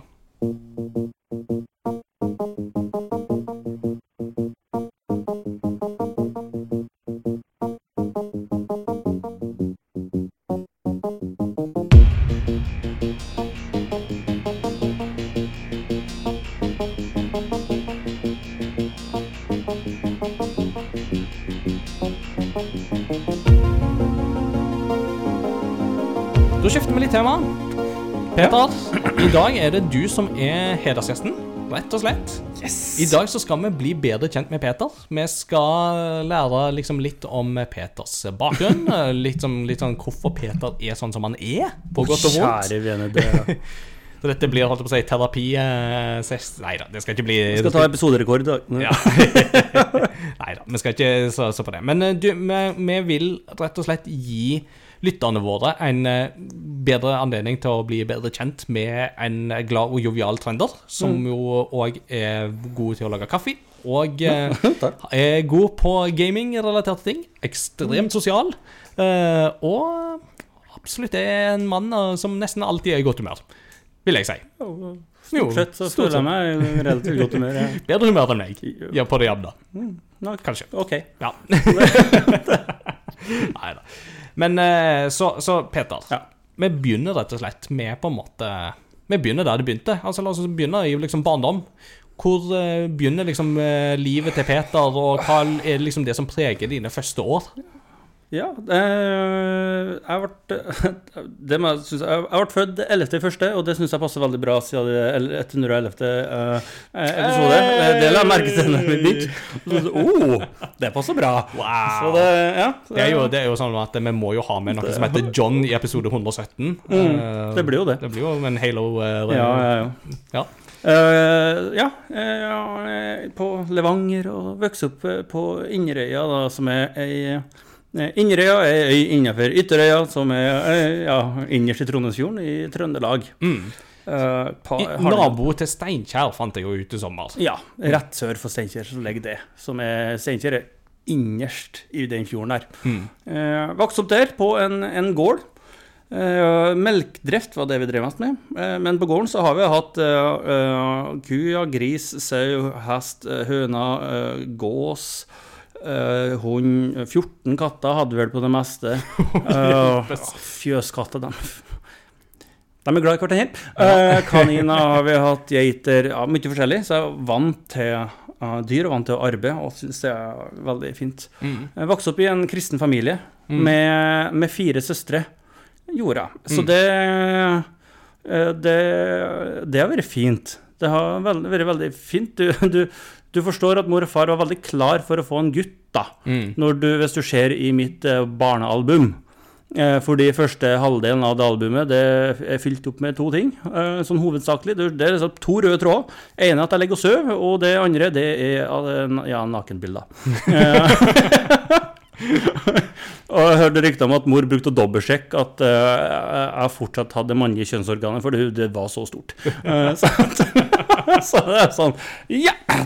Det, så det, jo kjempe, det var jo kjempeartig da når, du, uh, når Annika var med hjem første gangen og mor skulle vise barnealbumet. Det, ja, her er Peter. naken. Og der er Peter. Og, ja, Kleia, det Ja. Nei, men jeg hadde det veldig bra. Fire søstre, og som fylte hver sine behov, hvis du skal kalle det det, for gutt med uh, eldstesøster som har liksom en veldig sånn morsrolle. Uh, søster nummer to var utrolig leken, drev med Lego, pil og bue i hagen og sånn der. Søster nummer tre som var eh, liksom den som var veldig glad i sport og sånt. Og så lillesøster som var utrolig plagsom. Det er på en, på en søskelig veldig god måte. Ja da. Uh, så, så det ja, fikk det jeg trengte. Samtidig så klaga jeg om min nød til mor over at jeg ikke hadde Etter en fotballkamp som vi tapte, så det sang om Og la jo skylda på mor over at jeg ikke hadde flere brødre, for da måtte det jo gå sånn. For jeg må jo ha noen å trene med. Det, jeg skulle jo bli fotballproff som alle andre. Eh, men jeg er for lat. Det er ikke noe kneskade her, altså. Og da er, og da, da- det er vel kanskje rimelig å anta at det var Rosenborg som var go to-laget? var laget. Eh, Rosenborg og Manchester United. Min farfar han kalte meg Peter Schmeichel, eh, som da var keeperen Til og med jeg vet at det Ja. var keeper. På Manchester United. Pluss at når jeg begynte å se på fotball, det var jo akkurat når Ole Gunnar Solskjær liksom var på topp. Mm. Og når han var på topp, da var han, det var, han var stor. Han altså. var stor. Det, det tror jeg eh, Altså, Haaland er liksom det, Altså Ja, ja, Haaland er jo på det nivået nå Ja. som jo um, det var ganske, han var, det var ganske Solskjær var var kult. den gang. Mm. Uh, så det, ja. Og så på barneskolen så var, var jeg eneste kristen. Mm. Eh, Eller familien vår. Og det, det var fint de første to åra. Men så eh, Det er en aldershopp Mm. mellom eh, søstera og meg. Eh, Når hun forsvant, så begynte mobbinga. Mm. Eh, gjorde det. Så min barndom er prega, ja, prega av en god familie og mobbing fra dem på skolen. Mm. Og da spesielt elevene som var gamlere enn meg. Som fulgte meg og og har jo påvirka meg egentlig veldig mye eh, opp gjennom eh, livet. Jeg, eh, plassene hvor jeg ikke ble måla, det var i hoppbakken og fotballbanen, for der var jeg god. Mm. Og, og langrenn. Jeg var fryktelig dyktig på, på ski. Ja. Um, hyper som grisen, så jeg føk jo over eh, banen når vi spilte, så det var jo utrolig stas. Men den eh, mobbinga, den, eh, den holdt på fram til ja, fra andre tredje klasse, fra tredje klasse til, til Jeg starta i sjuende. Mm. Når jeg starta i sjuende, da var jeg, da var jeg størst på skolen, så Ja. da var det ingen som torde lenger. Nei, ikke sant. Det, er- Det må jo være litt befriende, det òg. Det, det, det, var, det var godt, Ja. eh, var det. Eh, men det resulterte jo da til at når jeg begynte på ungdomsskolen, så torde jeg ikke jeg å si til noen at jeg var kristen. Nei. Det, det gjorde ikke jeg. Jeg hadde ikke lyst til det. Det trengte ikke å fortsette, de greiene der. Mm. Eh, Men det tok jo seks måneder. Så fikk jeg med meg at en, en i klassen min som jeg gikk på barneskolen med, eh, som fortalte til noen andre at jeg var kristen. Mm. Og det syns jeg var Første reaksjonen min var litt sånn panikk. Mm. Hva skjer nå? Eh, men responsen, eh, den sitter veldig. Mm. For det var sånn Oi, det var, det var interessant. Eh, det syns jeg var ja, det, Nei, det, det, visste de ikke, men det var veldig kult at jeg var, var det. At jeg, at jeg torde å si det. På tvang, følte jeg, da. Men altså, ja, da når jeg fikk, det hør, så spørsmålet, så sa jeg det. Mm. Uh, så da ble jo det en veldig positiv opplevelse. Ja. Så, så det var fint. Og ja. Vokste opp på bedehuset. Vi har eh, IQ hjemme. uh, Inderøy kristne ungdomsklubb. Ja. Som òg var et sånt fristed. Det og leir. Har, ja, du er På- veldig glad i leir. på barneskolen så var jeg med på alle leirer jeg kunne reise på. I, eh, liksom på Laberget, som var det nærmeste leirsted. Det var fire leirer i året, tror jeg. Mm. Alle sammen bortsett fra én. Og jeg husker på det fryktelig godt. Fordi uh, når, Det var vel rundt når jeg gikk i 5. klasse. Så kom det en film ut. Mhm. Jeg fikk ikke sett den på kino, men den ble sett på den leiren der. Og det var De utrolige. Ah. Jeg hadde så lyst til å se den filmen. Åh. Og så, fikk jeg, og så så jeg på programmet at de skulle se den, men vi, jeg fikk ikke til å reise. Og det var så trist. Åh, det er jo kjempetrist, for den er jo så bra òg, vet du. Kjempeartig!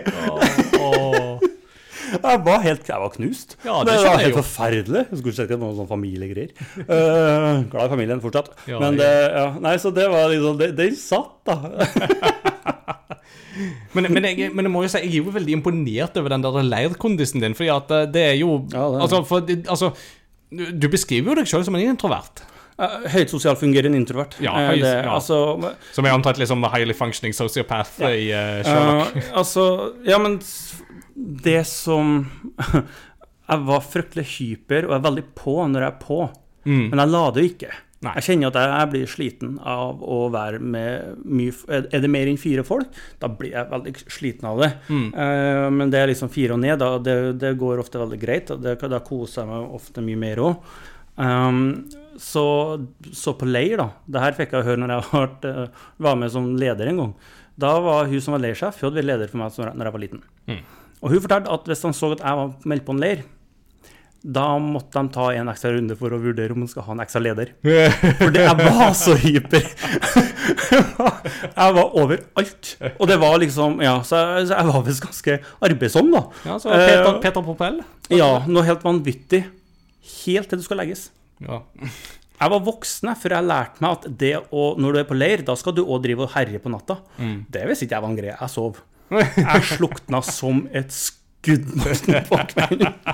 Så det var liksom i Det var 200 240 på dagtid, og så når kvelden kom, så sang vi, og så gikk jeg og la meg, og jeg husker nesten ikke på at jeg, vi- snakka veldig lite på rommet om kveldene. Eh, Da, da var jeg gåen. Eh, Så det, og, det, og sånn er det jo, kan jo være i dag òg. Når når jeg holder på med ting, når det skjer ting, så er jeg fryktelig på.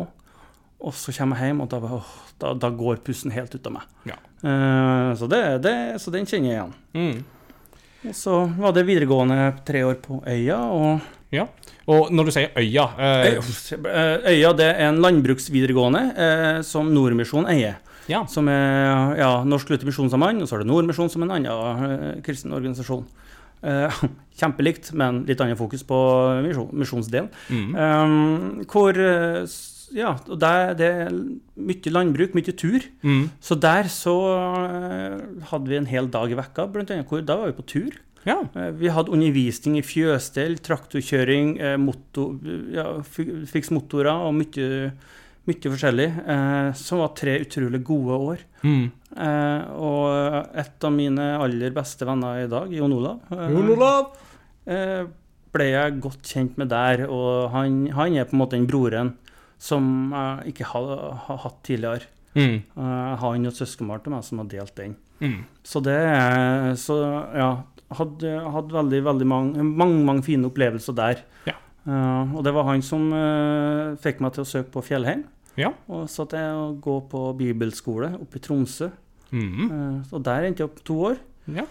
Og det var han som lurte meg til Oslo. Ja. Ja, og, og, der, og der er jeg jo litt eh, Det- Og der er jeg jo litt spent, fordi at eh, i altså, livet som du har beskrevet nå altså, Mm. første, altså Øya er jo relativt Det er vel fortsatt i Trøndelag, er det ikke? Ja, det, det er en 20 minutter sør for Trondheim, det. Ja.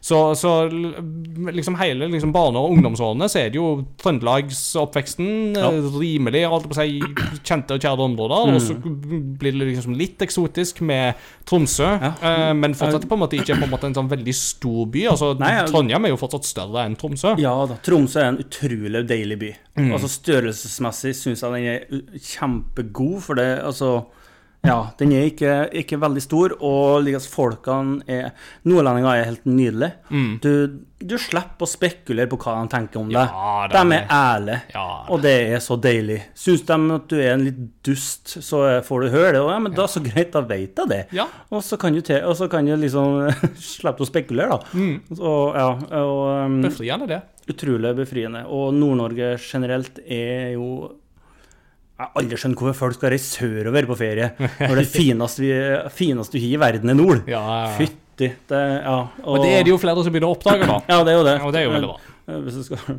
Jeg korona. uh, så det Men det Ja, nei, jeg hadde ikke Jeg visste ikke hva jeg skulle etter eh, ungdomsskolen. Og så var det Jon Olav som um, drev og pusha på den. Og han kjenner meg godt, så han visste hvilke knapper han skulle trykke på. Mm. Uh, det var ikke så mye overtalelse som skulle dit. Uh, så jeg var der ett år, og så ett, eh, to år. Så jeg var, ettåring året etterpå. Mm. Uh, var jeg. Um, og For det var utrolig godt Mm. å være på bibelskole og på å være med andre ungdommer. Én ting er liksom eh, det, det, det du lærer på skolen og sånt, med bibelfokus og bli kjent med deg sjøl. men òg det å være med så mange andre kristne. Det var, en del, det var jo mange på øya. Eh, Der var det men litt mer 50-50, så jeg har jo hatt en sånn sånn gradvis overgang Mm. til kristenbobla. Mm. Men det å være liksom bare kristne var nesten litt uvant. Mm. Det, det er to ting som jeg, der jeg skiller meg ut, uh, har jeg egentlig funnet ut. og Det var at uh, litt uvant å være med bare kristne uh, i- når jeg var ung voksen. Og andre at det, for meg så var det mer naturlig å snakke med jenter Mm. enn gutter gutta. Mor var jo nervøs en periode om at jeg hadde guttevenner eller ikke, fordi jeg snakket, så- hadde så mange jentevenner. Men når du har vokst opp med fire søstre, så er det, det Mest naturlige sak i det, verden. det, var mest, det var mer naturlig. Jeg, lettere å prate med. Jeg skjønte hvordan den eh, samtalen skulle gå, hvordan det funka. Ja. Så det um, Ja. eh, det, men øya og Fjellheim, der skjedde veldig mye. Mm. Gjorde det for min del. Um, på øya ble jeg deprimert. Mm. Uh, gjorde jeg. Um, og det var en hendelse med ei anna som var deprimert. Mm. Som, og det gikk kraftig utover meg. Jeg gjorde det fordi livet, livet gir deg noen lekser og erfaringer. Og det har gjort meg at jeg er en god lytter. Mm. Eh, folk kjenner meg som en som snakker mye, men jeg, er utrolig god til å lytte. Og jeg vet når jeg skal gi respons, jeg vet når Og jeg forstår når jeg bare skal sitte der. Mm. Og det var en Det var ikke lange Altså, det var en kort periode hvor jeg var med hun. Og hun så på meg og var helt knust. Og det som jeg opplevde når jeg så i øynene hennes det jeg fikk en, For meg så føltes det som om jævelen gikk inn i eh, Gikk inn i kroppen min og reiv ned meg innvendig. Mm. Um, jeg husker på jeg gikk ut derifra og gikk inn på naborommet. Der var det en del venner. Og jeg bare datt sammen på gulvet. Jeg klarte ikke å stå, jeg klarte ikke å um, snakke noe. Så jeg, var, jeg, jeg, jeg hulka bare. Jeg, jeg var helt, helt, helt ødelagt. Jeg følte følt meg så tom. Mm. Alle følte meg så hul. At det var liksom Ja. Jeg følte meg rasert innvendig, liksom. Um, og etter å ha vært der en stund og på en måte prøvd å få lufta litt, så skulle jeg gå tilbake til mitt eget internat. Og datt, bare datt sammen på fotballbanen. Så jeg skulle, jeg skulle bare gå over kortsida på fotballbanen, og men sleit med å komme over der. Mm. Eh, klokka var ett på natta, jeg måtte ringe mor, bare, Mm. mor, bare for å få snakke med noen. Mm. Jeg var helt ødelagt.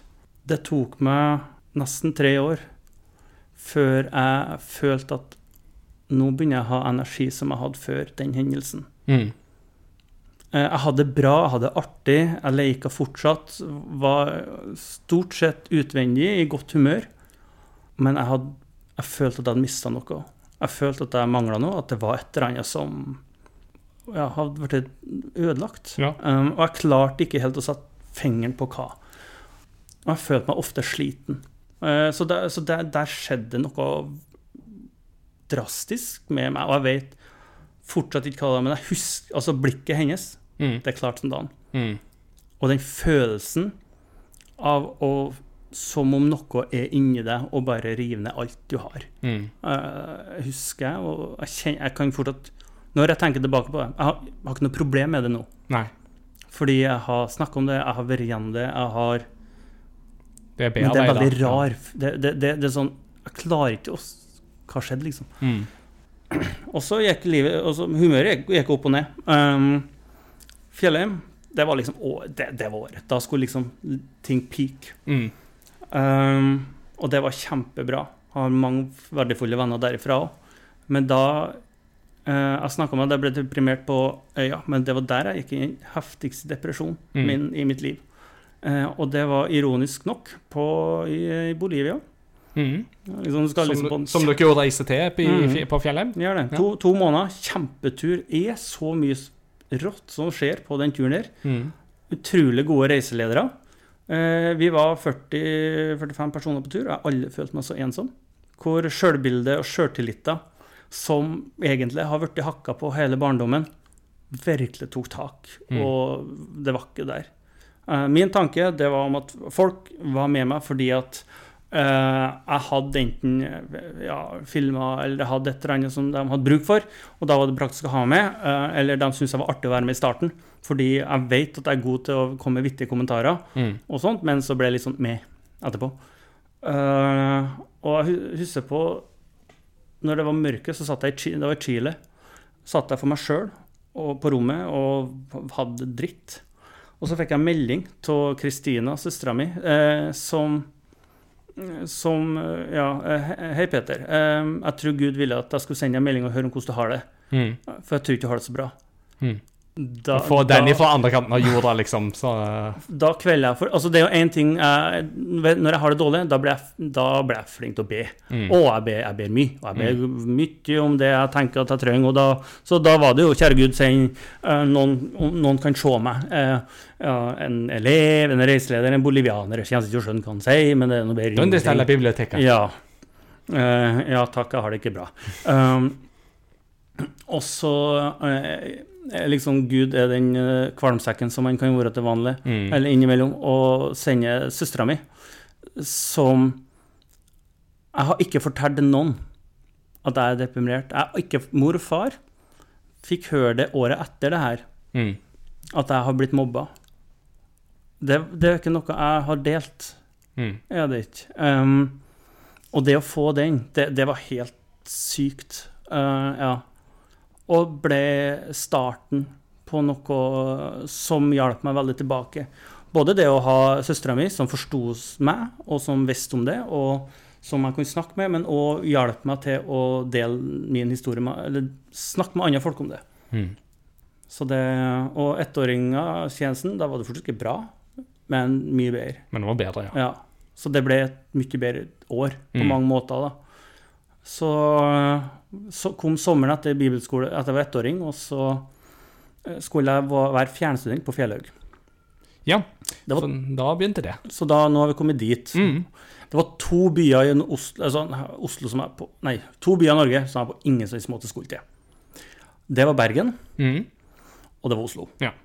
Orska ikke noe. Altfor store byer. Trøndelag skjønte jeg meg på, jeg har vært mange ganger, det går greit, men nei, jeg gidda ikke.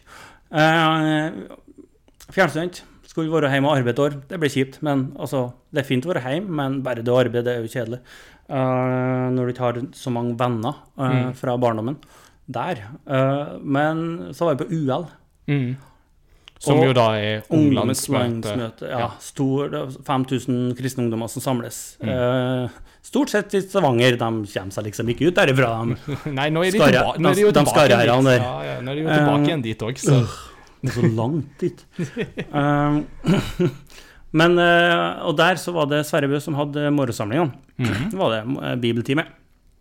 Som jo da er, Eh. jobber på Fjellhaug? Ja, han arbeider på Fjellhaug. Så Jon Olav hver morgen Men åh, tenk deg, Peder. Å ha Sverre Bø liksom hver eneste dag. For, altså, han er dyktig. Mm. Utrolig dyktig, ydmyk teolog som Altså Teologiens landevei strekker seg mil etter mil, og det lille jeg kan, det er bare to millimeter. Altså, han Altså, han har en utrolig søvndyssende stemme, men ikke sjans at du klarer å sove. Nei. Fordi han er så interessant å høre på, han er så flink, og han brenner så ekstremt for teologi, for tru og for ungdommer. Uh, ja. Så uh, etter å ha, ha hørt på dere i fire-fem dager, og Jon Olav drev og liksom åh, fytti, det blir bra. Mm. Så ok da, så søkte jeg om å få bo på, eh, på internatet her, på avslutningsmøte. Og kom inn. Jon Olav kjører bil sammen ned til Oslo. Jeg har aldri kjørt en biltur sørover med så dårlig stemning før. For han hadde ikke lyst til å bo i Oslo, han heller. Det, så det var liksom Hva søren er det vi holder på med? Sånn, Sort sky hele veien over. Det, det, det, det, må jo kalles en trusreise i en, eh, holdt jeg på å si, en, eh, en annen betydning, rett og slett. At dette var holdt jeg på å si, Dere kasta dere ut Ja. i en ambisjon, og så var det holdt jeg på å si, Så- Som dere så måtte til Mordor for å få det til, så To bondetamper. Vi kommer til Oslo, kjører feil i krysset og ender rett i Sinsenkrysset klokka fire på ettermiddagen. Åh. Altså, er det, det, det er noe dritt. uh, og holder på å krasje med å få en taxi inn i sida. Uh, Kjem til Fjellhaug. Skal begynne på skolen. Og Sverre Bø, han, han, han skal skrive bok, eller hva det var. Så han var borte først etter to åra. Så jeg fikk ikke ta han engang! ja. Så sånn var det. Men, så, men jeg trivdes godt på Fjellhaug. Men jeg slet med Oslo. Ja. Men det, det kom seg jo, det òg. Det har jo vært 2014. Jeg har jo vært sida. ja, du har jo det. Det er jo faktisk ti år til neste år. Mm. Studert på Fjellhaug, arbeidet i Pascal. Eh, har jeg som servitør og barista. Og ja, fram til nå i sommer så arbeider jeg som gaminglærer. Mm. Uh, og ja, det Men det er det noe med den der overgangen til Oslo. Den kan, den kan være tøff, den, altså. Mm. Det, man skal ikke um, under, å Altså, skal ikke undervurdere det. Altså, Selv for meg òg, altså første høsten i Oslo, altså mm. Jeg er jo vant med stor by fra barndommen av og sånt, liksom, så Oslo er liksom litt sånn at, Ja, ja, det er det beste jeg får i dette landet, ikke sant. Men, men det er noe med at du, du bryter jo opp, ikke sant, og Ja. drar jo til et helt nytt sted som er på en måte så stort, og som Og, så- og så er det jo det der som du snakket om, ikke sant. Men, altså, du var på Bolivia-tur, du var med 45 folk, og du kjente deg muttens alene. Altså, Oslo er jo Det- det er jo, i- Oslo er jo in- inkarnasjonen av det. Altså, Mm. Oslo er jo på en måte en halv million folk, og du kan føle deg muttens alene. Ja, for det er sånn. Men jeg var, jeg var, jeg var velsigna med et uh, utrolig bra kjøkken Mm, på, på internatet her. mm, Uh, hvor det var utrolig mye fin, det var fine folk der. ja. Uh, og jeg følte, meg, jeg følte at lærerne her var gode til å se meg som person. Og, ja, uh, og her fikk jeg, meg, fikk, fikk ha samtaler med en lærer som òg hjalp meg videre. Mm, For å ja, stole mer på meg sjøl, ha mer trua på meg sjøl og sjølbildet. Eh, ingen som Med unntak av ei, så det er ingen som har klart å se gjennom min maske. mm, Eh, og det er ei som jeg gikk på, på var et, ettåring med på bibelskolen. Eh, hun er den eneste som klarte å se, men du, du blir fryktelig dyktig. mm. Fortsatt ikke peiling på hvordan hun gjorde det, men hun ferta alltid når at nå er det et eller annet her. Eh, Mm. men det eh, Så når jeg gikk her òg, spesielt i, i, januar, slutten av januar, februar-mars, da var det tungt. Mm.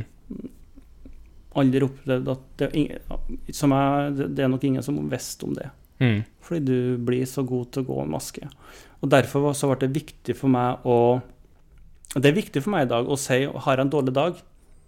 Eh, jeg har det kjempebra og, så, og sånt. Og har, er fornøyd og stolt og glad i meg sjøl. Mm. Men for meg så er det viktig, og hvis jeg har en dårlig dag, ja, men da, vil, da sier jeg det. Mm.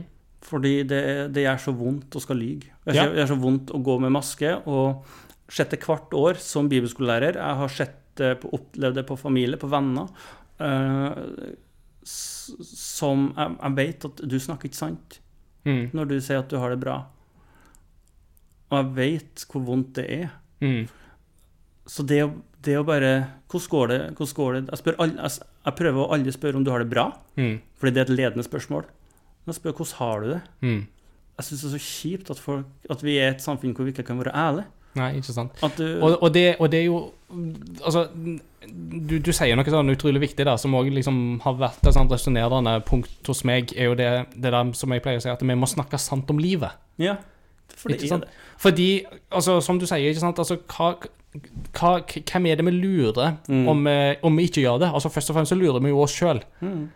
Ned. Ja, og, og, og jeg har jo på en måte Noen kan jo på en måte snakke om liksom hva skal vi si da, At erfaringene må ikke styre for mye, og følelsene må ikke få styre for mye, og sånne type ting som det. Mm. Og på en måte så skjønner jeg hvor de kommer fra, men på den andre sida, vi, vi er jo våre erfaringer. Ja, ja. Og hvis vi ikke kan være ærlige om våre erfaringer og si på snakke sant om livet, Mm. Da, da, da, da bygger vi ikke på en måte en sunn hverdag, verken for oss sjøl eller for de rundt oss. Hadde ikke jeg klart det, og, eller, og hadde ikke jeg lært meg å snakke om det som er vanskelig med meg sjøl, det jeg sliter med, da vet ikke jeg om jeg hadde vært ute av det i dag. Mm. Fordi det Jeg var, lang, jeg var ganske langt ned. Eh, og du klarer det, det, det skal ganske mye til for at du kommer ut sjøl. Mm. men Og jeg har opplevd jeg, har, jeg kjenner mange som jeg vet har slitt med depresjon. Jeg har, kjenner folk som har tatt livet sitt pga. depresjon. Mm. Jeg vet hvor skummelt det er. Og med den erfaringa som jeg sitter med, så er det så viktig, altså det er så viktig for meg å kunne bare være ærlig.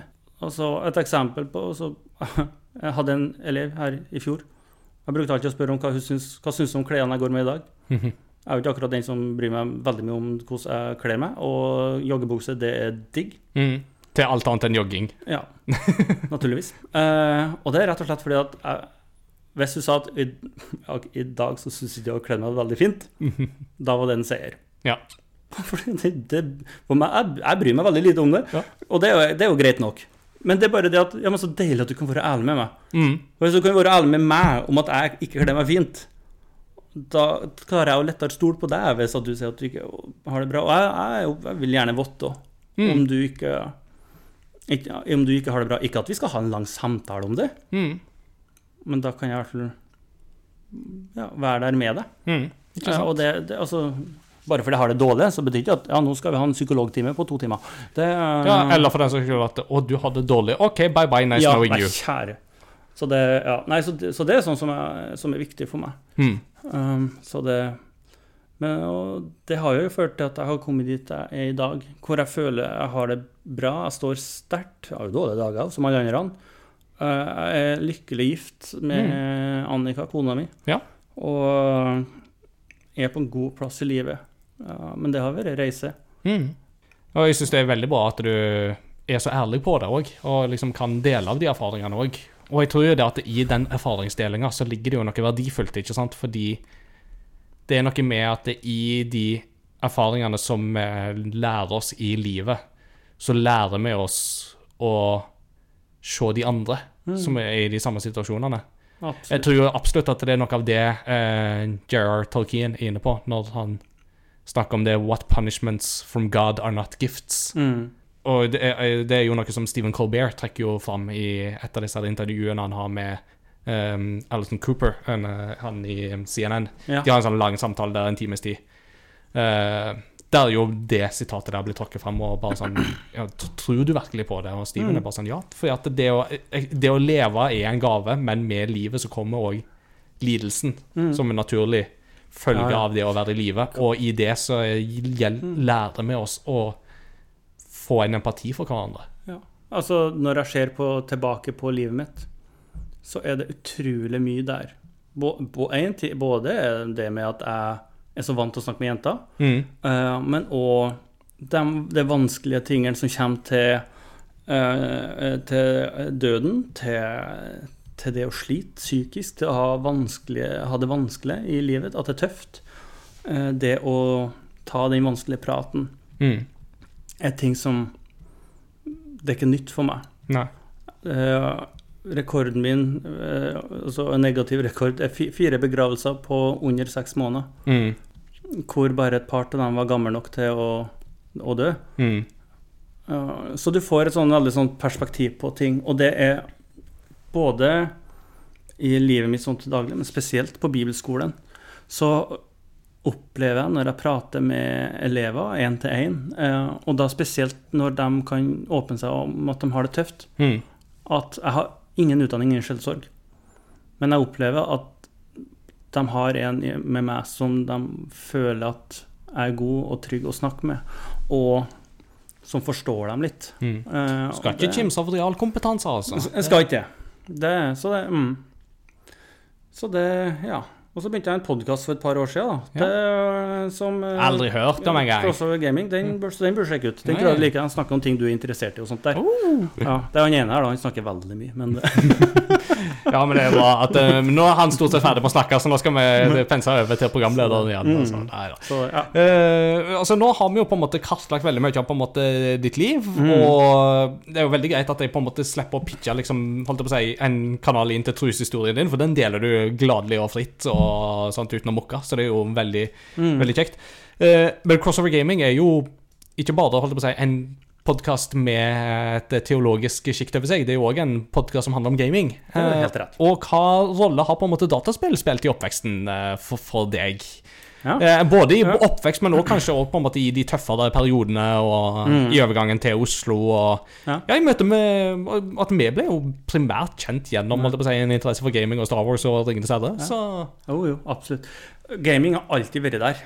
Um, Eh, altså, jeg sa jo tidligere at jeg var god til å gå på ski.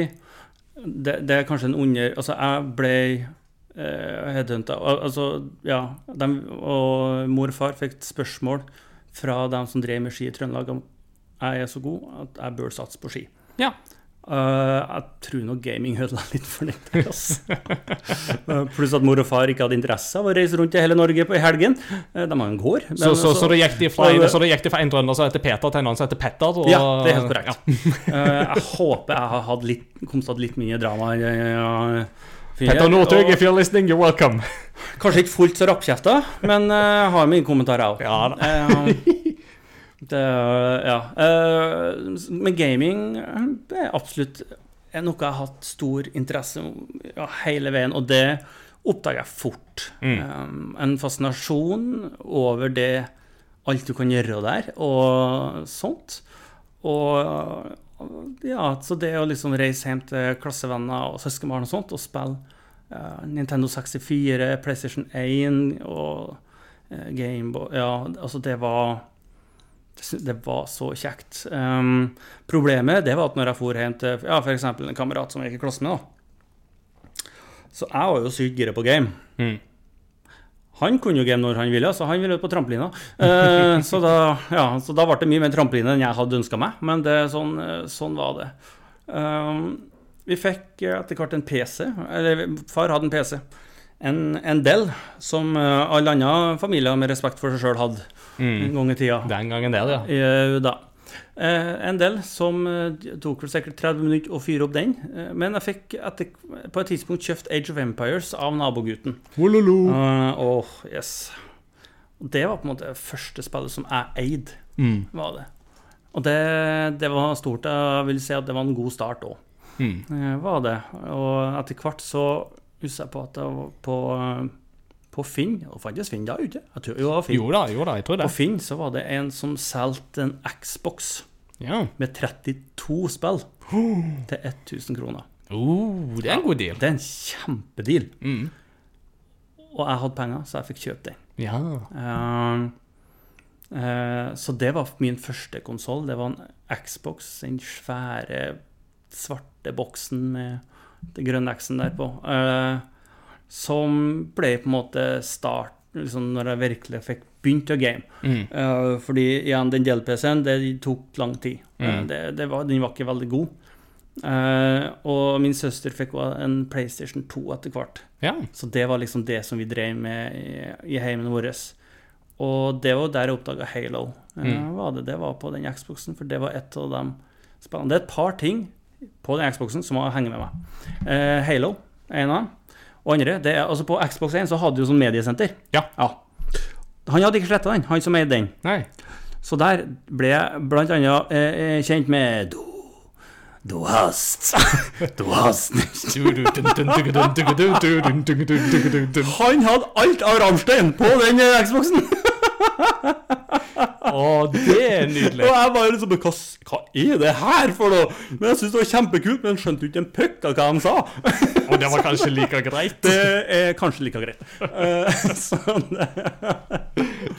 Eh, og ja, og det, den ga meg utrolig mye glede, og hadde veldig artig med å liksom endelig kunne spille Mm. skikkelig. og Spille mye. Halo 1, jeg vet jo ikke hvor mange ganger jeg har spilt gjennom det spillet. Nei. Men det, det, det, det har jeg hatt noen runder med. Um, og så Etter den Xboxen så tok det ganske lang tid før jeg fikk noe nytt. Mm. Uh, for- uh, mor og far, uh, spesielt far, lite interesse inn mot, inn mot gaming. Det er ikke samfunnsnyttig, og du kan i hvert fall ikke arbeide med det. Det var den gang. Sorry, far. Glad i deg. Legenden min. Eh, så eh, ble jeg Når jeg ble konfirmant, da fikk jeg kjøpt en eh, bærbar gaming-PC. Mm. Søskenbarnet mitt, eh, som alltid har likt teknologi, alltid likt å bygge ting og sånt, han hjalp meg å å sette sammen den eh, på, på Multicom.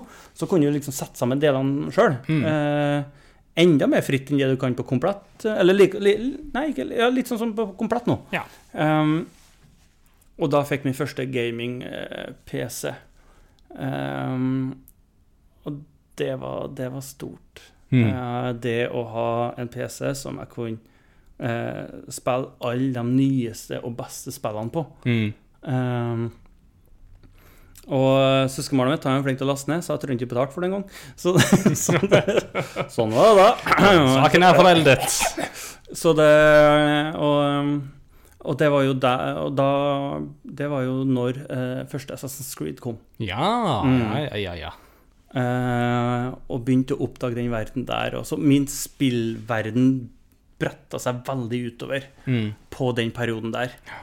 Eh, Gamebox er jo noe som jeg snakker med litt sånn smil rundt. uh, Never forget, Nei, never forget. Men jeg, jeg har jo en sånn en sjøl, Ja, Har du har det. Oi. og det var i PlayStation 3-perioden. Oh. Mm. Uh, fordi hvis at jeg arbeidet godt hjem, så skulle jeg få en gave Mm. til far. Og det hadde jeg gjort, og så så jeg pakken under juletreet. Det var rett størrelse. Altså, den var firkanta, den var hard. Eh, den veide litt. Oi, oi, oi. Det her, det, det, det her må bli bra. Og, og det var liksom Hva annet kan han finne på å gi meg liksom, enn en PlayStation 3? Og bare hva skjedde, liksom? Far eh, Ja, det, det at far hadde kjøpt det, det er jo sykt, liksom. Eh, så da fikk jeg verktøykasse Ja. uten verktøy. For da måtte jeg arbeide for. Åh. Jeg snakka om mitt fantastiske pokerfjes i stad. Det var ikke veldig bra. Da, da var jeg skuffa, ass. Eh, men jeg fikk Lego, så da hadde jeg det. ja, det, det er jo godt, da. Ja. Det, er- det er jo absolutt mm. verden noe. Ja. Og så har det egentlig balla på seg med PC-gamer eh, hovedsakelig. Og så Mm. for voksen så ble det liksom andre konsoller. Ja. Ja. ja. Så det er min to- gaminghistorie. Litt sånn uh, fram og tilbake rotete, men uh, ish sånn den er. Vi kommer jo tilbake til min første konsoll når vi kommer så langt. Ja. Så er jo det òg en, det en egen episode som vi skal Mm. gå mer i dybden på da. Ja. Eh, men eh, da vi hadde denne episoden sist, så var det jo jeg som var i ilden. Og da Mm. kjørte jo Mats Jakob helt til slutt så kjørte han en ti kjappe Ja, stemmer. på meg. Mm. Så jeg eh, gikk tilbake til de ti kjappe, og så har jeg modifisert det lite grann. Ja. så jeg tenkte at vi skal avslutte temadelen her med Åh, å gi deg noen ti kjappe. Og da er det jo som Altså, her blir du stilt på et enten-eller-valg, Ja. og så skal du bare Velg. ja, velge. OK. okay så uh. vi begynner på bånn. Eller på bånn, vi begynner med første spørsmålet. Mario eller Zelda? Selda. Ja. Oi, Den kom fort. det kom overraskende òg. ja, men det, det er jo litt Det har jo litt med Jeg, jeg, jeg sjekka akkurat Hva hadde jeg sist gang? Forrige episode? 170 timer eller noe sånt hadde du sist. Hadde jeg 170? Var ikke 120? Nei, jeg tror det var 170. Ja, Ja, ja. ja. Jeg, er passert, jeg er langt over 200. Jeg er over 200 nå, i hvert fall. ja ok. Fortsatt ikke tatt siste bilen. så da sier det sitt. Ja, Uh, Norge eller Sverige? Norge. Ja, fikk Emil det. har jo skada Sverige litt for min del. Jeg trodde jo når jeg, når jeg var liten, trodde jeg at svenskene var dum. Litt vanskelig å komme fra den, til tross for at hele familien eh, Ja, og kona di har vel gitt beskjed om at hun vil bo i Norge? Så Ja, så det går, det går bra. Ja. Og svigerfamilien sliter med å skjønne hva jeg sier uansett, så det ordner seg. Det, stakkars.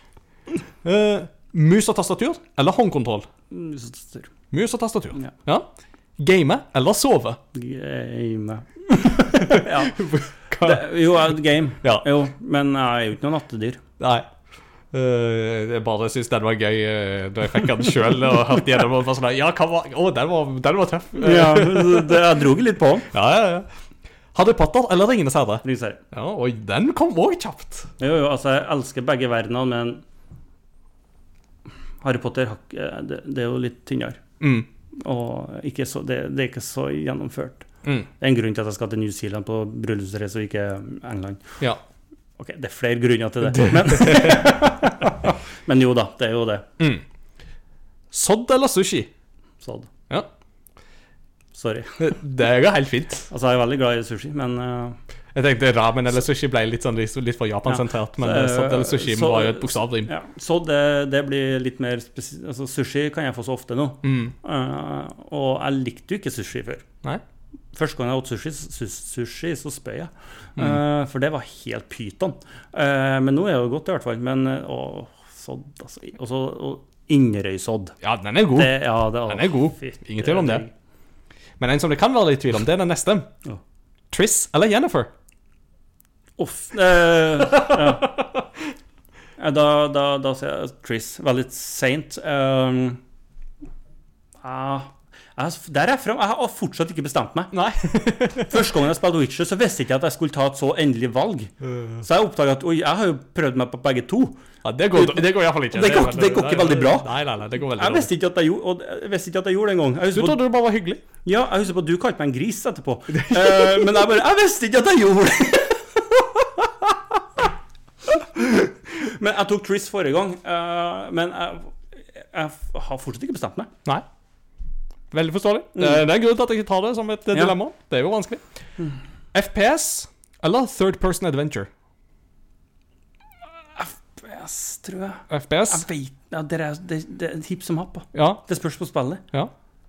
Hvis jeg starter med et spill, og så bytter jeg midt i spillet, så er det vanskelig. Mm. Men hvis Ja, nei, ja. Altså Warzone eller Horizon kunne Ja, jo sagt, liksom, liksom, ikke sant? Det, nei ja, det, det har med spillet å gjøre. mm.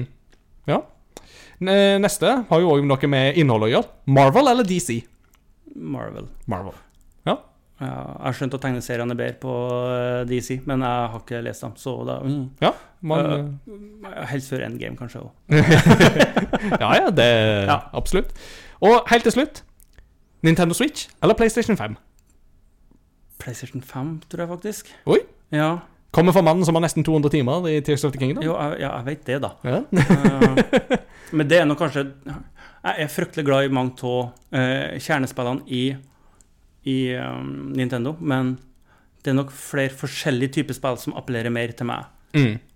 på PlayStation. Det, det skjønner jeg. ja. Jeg kunne jo ha spurt Xbox òg, men nå har du ikke Xbox i hus akkurat nå, så Nei. det var derfor jeg tenkte Mm. å gå for liksom, det som er i hus, da. Ja. Mm. Men eh, jeg skjønner jo det utover det du har fortalt, at Xbox absolutt har en sentral plass i hjertet, det òg. Og har hatt det, iallfall. Mm. Veldig bra, Peter. Ja. Det, nå har vi holdt på lenge, Ja, vet du, men eh, vi er ikke helt ferdige. Men vi, vi skal ta eh, lufta litt, eh, både i rommet og tankene og litt sånt, og Mm. så er vi straks tilbake med del to.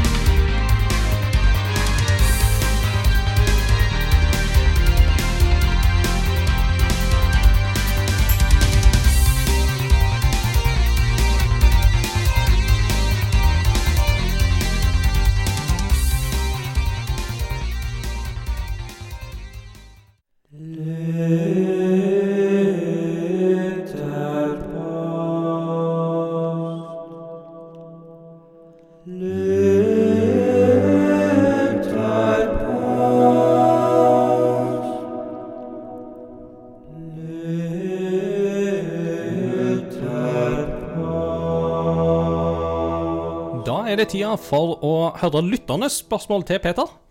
Vi har egentlig bare kalt segmentet for Ask Peter Anything, eller APA, om du vil. Mm. Du skal i ilden, og lytterne har kunnet stilt deg spørsmål knytta til deg og din person og din historie og dine spillpreferanser, etc., etc., etc. Og det har de jo da gjort gjennom våre sosiale mediekanaler, eh, Facebook og Discord. eh, Og lenker finner du på Crossovergaming.no. crossovergaming.no. Enkelt og greit. Så vi begynner på Facebooken. Der har um, Anders Lønning han har spurt deg hvilke spillserier er på Peters Mount Rushmore av spill. Jeg lar det være opp til dere å tolke hva Mount Rushmore av spill betyr. Men eh, jeg ser Det jo for som er høyt opp og lengst fram, er det ja, altså, altså det er jo å se for meg, ikke sant? Altså, Mount Rushmore, da har du fire presidenter som er jo hogga inn i stein, ikke sant? Så da tenker jeg at hva er på en måte som en annen norsk podkast vil kalle det, de fire store. Mm. Hva er liksom dine fire store spill? Serier eller spill Ja. Ja. Uh, da, altså, når jeg får spørsmål om hva mitt favorittspill er, så bruker jeg ofte å si Witcher 4. Og kjent som, og kjent som 3. wow, det, ja, der, der var vi godt i gang. Witcher 3. Ja. Mm, Og da med begge delsidene. Uh, Blood and Wine spesielt, som en åh, for en utvidelse. Uh, som er et spill Ja, fryktelig glad i, i det spillet. Halo, uh, serien, Mm. har jeg hatt en stor forkjærlighet til siden jeg var liten. Uh, også Assassin's Creed vil jeg trekke fram. Ja, med varierende i den Altså, det er jo ja, stort sprik i kvaliteten på det spillet, men det er en spillserie som har fulgt meg hele livet. Mm. Uh, og så eh, Spillserie eh, Altså, jeg har jo alltid vært glad i strategispill. Um, Ja. Age of Empires, Total, Total, kan ta Total War-serien, da. Det er jo der jeg har brukt mest tid. Ja. Uh, innen strategispill. Mm. Uh, ja. Ja. Så det med, Og så har du veldig mange små presidenter under her. Ja, ikke sant. Det er blant en med litt sånn sleik og Mm. litt sånn no, why president better than me? Som mm kan, kan, kan stå langt ned på lista. Ja, Ja. den, ja. Ja, ja. Um, Det, André, ja. Andreas eh, spør hva er dine favoritter og minst favorittkarakterer i League of Legends, og hvorfor? Eh, og det er det jo noen andre som lurer på òg. Elias eh, sier at my guess er I- på minst favoritt, eller hva tror du, eh, eh, Samuel? Å, du måtte dra fram den, Elias. Ja, ja. Eh, Elias er jo eh, en elev jeg hadde Han var ettåring for meg eh, i klassen min i fjor, og elev året før. Ja. Og årsaken til det, det var jo at ja, ett og Samuel, en annen elev, han spilte i lag, og vi var vel tre-fire, tror jeg, mot han. Alle ulta. Og han bare meier oss ned én etter én. Eh, altså, det er det teiteste jeg har vært borti noen gang. Eh, ja, det var ganske uh, Ilawi er ikke jeg veldig glad i, nei. Um, ellers så er jo uh, Sjako en som jeg ikke Som jeg bander ofte. Syns det er en plagsom Eh, Når jeg spiller, så spiller jeg ofte botlane. Mm. Uh, Andreas eh, spiller support. Skal du begynne å spille LOL Altså, Andreas er en utrolig fin fyr Mm. å begynne å spille eh, LOL med. Eh, tålmodig, ikke minst, eh, og utrolig trivelig, men òg flink til å lære bort, og flink god til å gjøre meg god. Ja. Uh, og har mye glede av det. Um, Twitch er en som jeg ikke uh, er noe glad i, når du kan Altså uh, Sånn plagsomme som forsvinner og plutselig dukker opp og gjør mye skade, er dust. Jeg har òg lagt til Ash, som, en som jeg ikke er så glad i. rett og slett fordi den elsker det når du har gode æsj med deg, fordi den pila kan sendes over hele kartet og stønne. Mm. men når du flykter Ja, sånn går det. Sånn går nå Eh, dagene. Så har jeg lagt inn Pike, som jeg heller ikke er så glad i. Mm. Eh, som òg en, eh, en av dem der som er litt sånn eh, kan være slitsom å møte. Altså, det er fryktelig mange, egentlig, som er ganske slitsomme å møte i League of Legends. Uh, sånn, eh, sånn er det bare. Uh, MF er jo et av dem som har spilt mest, eh, Miss Fortune. Ja. Uh, og det var fordi at jeg, det var hun jeg endte opp med når jeg hadde opp, eh, skulle lære meg å spille. Og så fikk jeg ikke med meg at jeg kan bytte til noen andre, eh, så da ble det hun. Eh, og den har støkka litt eh, med. Og så eh, Amumu syns jeg er veldig artig å spille som support. ja. Eh, Det er jo egentlig en jungler, eh, men å spille eh, som support har mye glede og Det kan jo fungere veldig godt. Og når du kan stønne fienden altså, Jeg blir jo irritert meg sjøl når jeg liksom forteller Når du kan stønne fienden mange ganger, sånn at det er lett å drepe dem, så er det veldig Veldig fint. Og så Nå fikk jeg en liten en uh, Blitzcrank heter den vel. Eh, som en robot som jeg òg har kost meg veldig med. Ja. Hvor du hooker tak i fienden, og så drar de til og slår dem i lufta, og så tar Andres og dreper dem. Good times, good times. Mm. Ja. Eh, Pletten han lurer på hva er hemmeligheten for sjøl å kunne jobbe som gaminglærer den gang. Hvem, hvem må smøres, og hva kontakter må opprettes? Eh, kontakten du må opprette, er vel meg, sånn at jeg kan være referanse? Ja, det er Eh, en god referanse. Eh, absolutt. Jon Georg tror jeg er en god, fin fyr å smøre. Um, Som det er rektor på Bibelskolen som er rektor på bibelskolen. Uh, uh, ja, men jeg har jo fortsatt kontrakt der, da, så det er jo spørs om jeg blir leder. Ja. Men eh, ja, hvem ja, Nei, det er jo Du har jo folkeskoler som har gaming, mm. med forskjellig type fokus. Med, noen har litt mer på e-sport, noen har litt mer på utvikling av spill. Så det er jo faktisk flere muligheter å sjekke ut. Uh, ja, for å kunne bli uh, gaminglærer. Og det anbefales virkelig, for det er spennende og artig å holde med ungdom, ga, uh, unge gamere. Mm. Eh, det. Så det, men hva, ja, det, det er vanskelig å svare på. ja. Jeg var heldig.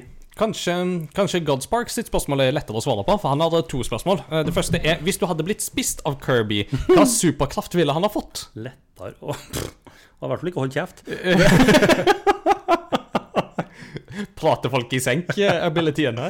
Ja, altså antagelig er du bare skada uansett. Altså, ja, Endte jo på legevakta. Ja. Det, ja, antageligvis. Og apropos eh, det, så spør jo da Godspark videre at han stiller deg på et dilemma. Ville du helst blitt spist midlertidig av Kirby, eller funnet Koroks tilfeldig rundt omkring minst én gang om dagen? Så da er spørsmålet hadde, yeah. du, hadde du tålt det å bare bli, Åh. bli spist opp, eller ville du hatt en eh, minst én gang til dagen? Men hva skjer med meg hvis jeg blir etter, da? Kommer jeg ut igjen? Ja, for det er bare midlertidig. hvordan tilstand er jeg når jeg kommer ut? Ingen vet. Nei, det er det. Eh, Det er jo spennende hvis du driver og oppdager Clorox rundt omkring. Eh, Ja, jeg prøver den, jeg. Mm. Så du går for en? Ja. Ja. Den er god. Så får du en eh, liten klump etterpå som ser ut som en bæsj. ja. Ja. Yay. Yay. Apropos det med legevakta i stad, så spør Benjo har du klippekort hos legevakta. Ja. Rekorden min er at jeg endte opp på legevakta tre ganger i løpet av samme vekka. Eh, Samme lege som tok imot oss alle tre gangene, og mor var litt flau. Eh, Men vi fikk med oss som førstehjelpsskrin hjem, så det var jo nydelig. Men eh, ja, jeg, jeg, har, jeg har skada meg mye. Mm. Testet ut mye og sånn der, og mye uheldig òg. Overtramp og ja, sånt. Um, skitur med skolen. Jeg har flere skiturer med skolen hvor jeg endte opp på legevakta i sykehuset, enn der jeg gikk rett hjem. Hvor den ene gangen så ble jeg skada, men det var i hagen, så jeg kunne gå hjem etterpå. Uh, I stedet for å liksom te, ja. Jeg, jeg, skjønner jo det at det er jo en del på en måte brikker som begynner å falle på plass etter at du har fått ADHD-diagnosen, tenker jo jeg. Uh... Skjønner ikke hva du snakker om. Nei? Nei, altså, det, det har vært mye, og uh, både vanlige skader, men òg ja, hvor jeg har det, jeg, jeg, jeg er mm, takknemlig og rikt velsigna over det at jeg sitter her i dag. Mm. Eh, For jeg har hatt uhell eh, hvor jeg har ja, Strengt tatt så skulle jeg ikke overlevd. Ære være norsk helsevesen, Ja, og Gud eh, Mm. enda, enda flere tatt. Jeg ikke kjørt- minst. jeg kjørte bil i, i, i 120 km i timen uten styring på rattet. Hallo. Det, eller, ja. Ja. Dødt under det maskin med pigger fra tre meter og overlevd. Det er jo sånn man kan bli litt redd av. Og apropos bli litt redd, så lurer Skorpus eller Adrian på liker du fortsatt ikke zombiespill, eller er det blitt lettere å spille zombiespill etter The Last of Us og Seven Days to Die? Lettere har det absolutt blitt. Mm. Jo, jo, altså det har jo skjedd ting. Uh, jeg spilte jo Seven Days to Die lenge før jeg begynte med uh, Last of Us. Og når jeg spilte eneren, så to, jeg brukte jo en, en eller to måneder på de første tre timene. Og så brukte jeg en eller to dager på det siste. Liksom, altså, ja. Eh, for da ble jeg grepet av historien. Eh, jeg syns fortsatt det er slitsomt med, med som, når det er nye zombiespill. Mm. Eh, men jeg kommer fortere inn i det. Og blir at det, ja, det gjør meg ikke så mye lenger. Mm. Men det er jo ikke favorittsjangeren min. Men jeg sitter jo med over 500-600 timer i Seven Days på Steam. Eh, så du kan, man kan jo spekulere Jeg slo Lillehjernen som liten, og så hadde jeg bare den. så ja, hva, hva søren er det som skjer? så apropos Jon Olav, det var jo han som fikk meg inn i Seven Days. Ja. Jeg hadde ikke lyst til å spille. Våkne opp en lørdag morgen med at jeg har fått en ny gaver på Steam. Idioten kjøper tos, Tosken kjøper, så da må jeg jo spille. En Jon Olav i livet skulle alle ha. Ja, det, men det er helt sant. Ja. Fytti, en legende. Ja. Eh, eh, absolutt. Uh, Lith, eller Sigrun, spør hvis du kunne blitt gamingprofessor på Universitetet i Oslo, hva Mm. hadde du undervist, og hvorfor? Uh, da hadde jeg nok ville undervist i um, hvordan gaming påvirker oss, for det syns jeg er interessant. Uh, men jeg hadde òg lyst til å sjekke mer inn på uh, opp, eh, hva, hva, hvor, hvor viktig er det som voksen å eh, eh, interessere deg i ungene sin gaming, men òg å følge opp eh, deres eh, gaming, både hvilken type spill de spiller. eh, og, og da tenker jeg jo på eh, avhengighet, noe som jeg har slitt med sjøl. Mm. hvor mye tid det tar. eh, sinne, og da sinnemestring, eller mangel, på, altså raging. Eh, og, men òg det å da liksom ta den praten Og se ja, hvordan de unger som har hatt en tett relasjon til sine foreldre og sånt, versus de som har fått total frihet og ja, ville ha sett noe inn mot det en plass. Mm. Ja, for det syns jeg er spennende. Og jeg, får jo litt av det, jeg fikk jo litt av det på bibelskolen, bare at i en voksnere form. Mm. Uh, mm. Ja. Spennende. Eh, helt til slutt så har Eirik et eh, litt eh, fragmentert Eller fragmentert hørtes litt feil ut, men han har liksom flere spørsmål inn i dette. Så da, spørsmål én Når skal vi få høre deg synge? Han har en ganske god sangstemme, for de som ikke vet. Takk. Det er jo Nei, eh, det er jo Altså, hvis du kommer i Østre Frikirke en eller annen gang neste måned, så skal jeg jo synge der, da. Ja. Jo, nei, jeg liker å synge. Alltid Mm. likt å, å synge. Apropos det at folk ikke snakker sant. Der har jeg arbeidet. Mm. Fordi jeg har opplevd altfor mange som har fått høre at de er så flinke til å synge, og så synger du som en hest. uh, så, men jo, nei, takk. Det er jo veldig trivelig. Men eh, jo, Mm. kanskje do, Jeg skår, står ofte og synger på kjøkkenet eller når jeg går tur. Mm. Så det, ja, hadde, det har ikke falt meg så mye å synge i en podkast. Vi får, uh, Ja, se ja, hvor tid, vi får se hvor tid du kan få ditt øyeblikk. Eh, hva er best, Sverige eller Norge? Det har han jo allerede Mm. svart på. Eh, og så helt til slutt, hva er dine guilty pleasures i disse kategoriene? Musikk, TV og spill. Ja. Så vi kan begynne med musikk. OK, musikk. Uh, uh, guilty pleasure. Jeg koser meg jo utrolig godt med altså Backstreet Boys, uh, Beaver og hele gjengen, gjengen der. Mm. Uh, det vokste jeg opp med, Ja. og jeg syns det er veldig uh, Ja, jeg syns det, det er god musikk, jeg. Mm. Um, mm. ja, så gøy. TV. Guilty pleasure det, Jeg klarer ikke å komme på det. Liksom. Altså, jeg er veldig Friends og sånt er jeg veldig glad i, men det er jo ikke noe altså, det, ja. Jeg koser meg veldig med Det det. er bare pleasure. Ja. Ja. ja. Uh, jeg klarer ikke å komme på noe fart. Nei, ikke noe Keeping with the Kardashians eller uh, Ungkaren eller uh, Ex on the Beach eller det er noe sånt. Gi meg styrke. ja, ingenting i den uh, kategorien For noe dritt. Ja, så bra. Uh, og spill, da? Spill. Guilty. Um, jeg spiller ikke så mye nå lenger. Men når jeg var liten, så var jeg Min søster hun abonnerte på Ponniklubben. Ja.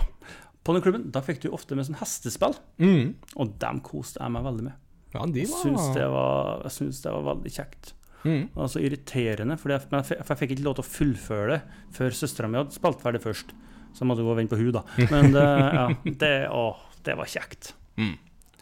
Ja, så har dere det. Uh, ingenting på TV, men uh, boybands and the like på musikkfronten og uh, ponni-hestespill på, Mm. på gaming. Da, da er Peter en gladgutt. Ja da.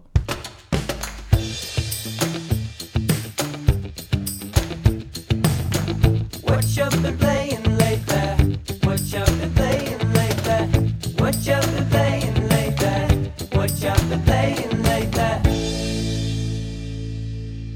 Ja, nå har jo podkasten gått uh, lenge allerede, uh, så da er det jo kanskje greit at vi liksom ikke har nødvendigvis har liksom fått spilt så mye de siste par ukene, på en måte. Eller iallfall, jeg har ikke så mange spill å komme med, men eh, jeg vet ikke om Ingenting nytt å komme med. Du har ingenting nytt? Nei, så det er ingen verken Baldur's Gate 3 eller Starfield på noen av oss enda. Nei, jeg tør ikke å begynne med det, jeg. Nei. Et, et stort spill om gangen. Ja, ja, ja. Jeg, jeg har et håp da om at jeg skal få, at jeg skal få begynne på Baldur's Gate nå snart, Mm. men jeg har jo et par andre prosjekt som jeg skal gjennom først. Jeg har den. Mm. Eh, men eh, hva har du gått i, da? Uh, jeg har altså Seven Days of Die. Mm. Det gått en del i med Benjo. Uh, så vil folk bli med på det, så er det bare å join. Eh, vi koser oss utrolig mye med det. Uh, og uh, ja, Dere, dere får calla ut i Discord Mm. når dere spiller, tenker Ja. jeg. Så Og syns det, det, det er stas. Og ja, bare bygge baser og fyke rundt og lute og hakke stein. mm. Det er veldig avslappende med det. Så fikk jeg en session med, med LOL. Det gikk jo for meg i stad at jeg sa et eh, Moba i, i fugleperspektiv, det er jo ikke, det er jo ikke så vanlig. Uh, men eh, Det var kanskje det mest vanlige. det, det, det, det var det som gikk opp for meg. og så, Vent litt. Ja, ja. Uh, så det, det jeg har spilt. Og så har jeg jo selv lært litt av. Ja, sånn eh, 200 timer ish. Ja, jeg har funnet Ja, nei, det går framover, ja. Ja. Ikke i historien, men i alt andre. Ja, det, Spørs om det er så mye igjen for deg å finne i den verdenen. Men det er jo det som er så spennende, er jo det at du finner alltid noe mer. det er, jeg har lyst opp hele underverdenen og det aller meste i lufta. Og Oi, oi, oi. mangler kanskje fem-seks shrines. Det det er sterkt, Peter. Det er sterkt. Det lukter med, lukter med årets spillkandidat det der, mon tro. Jo da. Så det, jeg tror jeg må komme videre i historien for å få dem opp. Så, så, men sånn er Så det er veldig Det, det er det det er godt i, og det har jeg snakket om før, så da Ja. Ja, jeg har snakka så mye at da kan jo du få snakke i stedet. Det er en fin forandring da, til den, men. Du, du er jo flinkere til å snakke enn det er. Jeg prater for mye i denne podkasten, så det er Ja, å slippe til noen andre. Eh, men hva har du eh, spilt, Ingar? Jo, um, jeg pusler fortsatt videre med Picross 2 på T-banen på vei til og fra jobb. Altså, Da er det jo sånne mm, nonogram, som det heter. Um, Ja, stemmer. Sånn at du liksom graverer gjennom sånn 15 ganger 15 perspektiv. Mm. Uh, og dette er jo sånn gamle Mario-spill egentlig på Gameboy. Uh, så spiller jeg det på Analog Pocket. Mm. Uh, Picross 2 var et av de spillene jeg var på jakt etter da vi var i Japan, og det fant jeg til en ganske billig penge. Kun kassetten da, vel å merke, men uh, det, er, det, er stor, det er kjempekos. Altså, det er så avslappende å bare plukke opp og bare pusle med. Det er så no-brainer, på en måte. Det, det krever liksom ikke at du må sette deg inn i en story eller noe sånt. Og Det har liksom ikke så mye musikk å skryte av heller, så da kan jeg ha podkast på øret, og så kan jeg sitte med Picross eh, i nevene, og så har, går 15 minutter altfor fort Mm. hver vei. Så det er veldig, veldig stas. Og så, i retrospillauget, så har vi jo bestemt at vi skal spille The Legend of Zelda, Oracle of Seasons og Oracle of Ages. Disse Ja. to Zelda-spillene som kom ut på Gameboy Color i 2001. Mm. Um, og det er jo to spill jeg faktisk ikke har spilt i Zelda-serien. Neimen, du din gærning. Ja, jeg vet! Det er så gale. Det var jo litt av grunnen til at jeg foreslo det. Ja, men altså, det var en av grunnene til at jeg foreslo det. Ja, jeg tenkte jeg tenkte det. Oi, oi, oi. Så jeg har begynt på Oracle of Ages, som jo da faktisk var et spill som jeg fant i et veldig fint eksemplar på retromessa Ja. i Sandefjord. Passet jo veldig godt. Eh. Så jeg begynte på det i dag. Jeg er liksom så vidt i gang. Og, Mm. Jeg har ikke sett så mye nytt her som jeg ikke har sett av det spillet tidligere. For at jeg har liksom fyrt det opp en gang tidligere og sett liksom hva det går i. Mm. Men uh, altså, jeg elsker jo artworken i dette spillet. her Det er jo sånn Gameboy-artwork som er liksom helt, helt seint i Gameboy Color sitt uh, livsløp. Og det er jo Samme. utrolig nydelig når de liksom får det til på sin plass, altså. Og Mm. det er jo veldig gøy, for dette er jo to spill som Dette var første gang vi, utenom uh, The Unholy Trilogy, som vi jo ikke snakker om. eh, så var jo dette første gangen at Zelda-serien ble overlatt til noen andre enn Nintendo sjøl, for det var Capcom som lagde disse spillene. Det var dem, ja, Ja. Eh, og det funka jo veldig, veldig bra. Mm. Uh, altså, disse spillene ble jo angivelig veldig gode. Det skal vi jo finne ut av videre etter spillhugget. Mm. Uh, men altså, Capcom fikk jo òg lov å lage The Minish Cap på Mm. Game Boy Advance, som er et annet Zelda-spill. Og han som regisserte disse spillene her, Fujibayashi, har jo senere gått fra Capcom til Nintendo for å jobbe med Zelda-serien, der han jo har jobba med Skyward Sword, Mm. Breath of the Wild og Tears of the Kingdom. Han er jo regissør på de tre titlene. Kan du få en større bekreftelse på en god jobb? Ja, ikke sant? så, Du så, gjør en god jobb, du Ja. som kom hit, og du skal bare molle ut kvalitet. og, og dette, det, og det som jo er ekstra gøy, er jo det at Oracles-spillene er jo de første han har laga i Zelda-serien. Ja. Så det blir jo ekstra spennende å gå tilbake nå og liksom se på en måte Ser du på en måte noe av Fujibayashis DNA i disse spillene? Det er jo en sånn ting som jeg syns blir ekstra spennende å um, plukke i. Ja. Rått. Mm. Men hovedaktiviteten nå, i hvert fall den siste veka, det har vært Star Wars Jedi Survivor. Nå hadde jeg endelig kommet dit. Eh, nå dro kona Hun dro vestover mm, for eh, en ti dagers tid. Nå for snart ei uke siden. Så da blir plutselig Ingrid alene, og da har han plutselig veldig mye tid til å, å spille spill. Jeg har jo stort sett veldig god tid til det ellers, men Syns det virker som kalenderen du har ganske mye til spill generelt. Da. ja, jeg har jo det. jeg har jo det Og altså, Litt av grunnen til at jeg ikke har kommet i gang med dette før, er jo fordi at jeg har jo pusla med diverse anmeldelser og sånne ting. Ja, det er ikke Så- fordi du ikke du, du, det, det er jo gaming som er skylda i det. Ja, ja. Det er jo gaming som skylder skyld til at jeg ikke får Å, gamer. stakkar. Eh, Så iallfall Drittunge. Nei, men altså Men det er, godt, det er jo veldig godt å være i Star Wars-modus. Sånn som når jeg er veldig i Star. Wars-modus Når jeg kommer tilbake til anbefalinger. Uh, Og, eh, kan og eh, Star Wars Jedi Survivor følger jo opp et av de bedre Zelda-spillene som er Zelda-spillene Star Wars-spillene som er laga. så for Fallen Order var jo et kjempebra spill da det kom i 2019. Spilte jo det på PC, og var jo en formidabel eh, tittel. Det var ikke det at jeg ikke så enkelte svakheter ved det, men Mm. det, det gikk for å gjøre noe, og klarte det det skulle gjøre veldig bra. Eh, og det syns jeg jo at Star Wars Jedi Survivor gjør òg. Det bygger veldig bra videre på den formen som er etablert, samtidig som at den har noen veldig gode kvalitetsforbedringer. Ja. Uh, For eksempel så er det jo mye mer spennende å navigere på disse forskjellige planetene. Mm. Det er mer oppgaver å gjøre. eh, Knytta til type sånne sideoppdrag og sånne sideaktiviteter Altså challenges og mm. sånne ting som det. Ja. Um, rollegalleriet er jo enda mer fleshed out, syns Ja. jeg. Veldig spennende. Um, akkurat, altså, den plattforminga er mye bedre òg, syns jeg her, enn det det var sist. Altså, det er fortsatt en god del av de samme tingene, men jeg syns den er mer presis.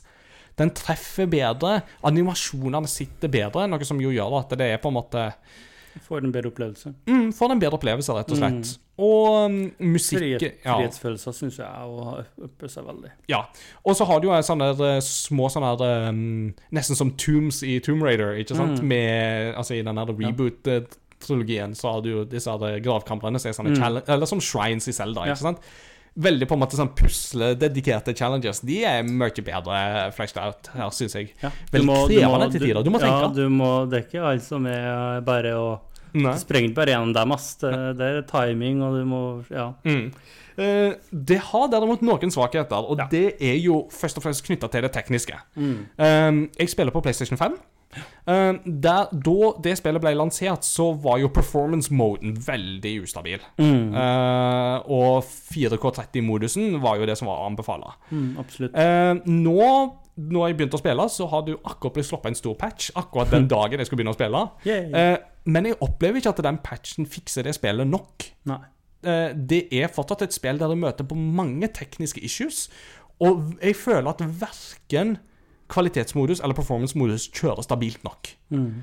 Eh, særlig når det skjer mange ting, men det skal ikke skje altfor mye for at det eh, lugger, eh, for å si det sånn. Mm.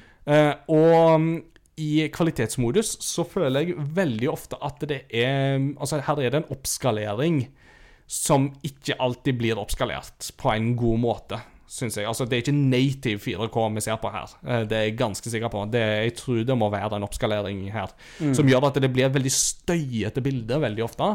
eh, Med masse sånne skjæringer og sånt. Og eh, det, det at du har teksturer som ikke laster inn liksom fortløpende, det, det er greit nok. Det kan jeg leve med. Altså, det, det, det ser jeg såpass ofte at det er sånn Det er synd når det skjer, men det er ikke det som ødelegger på en måte mest.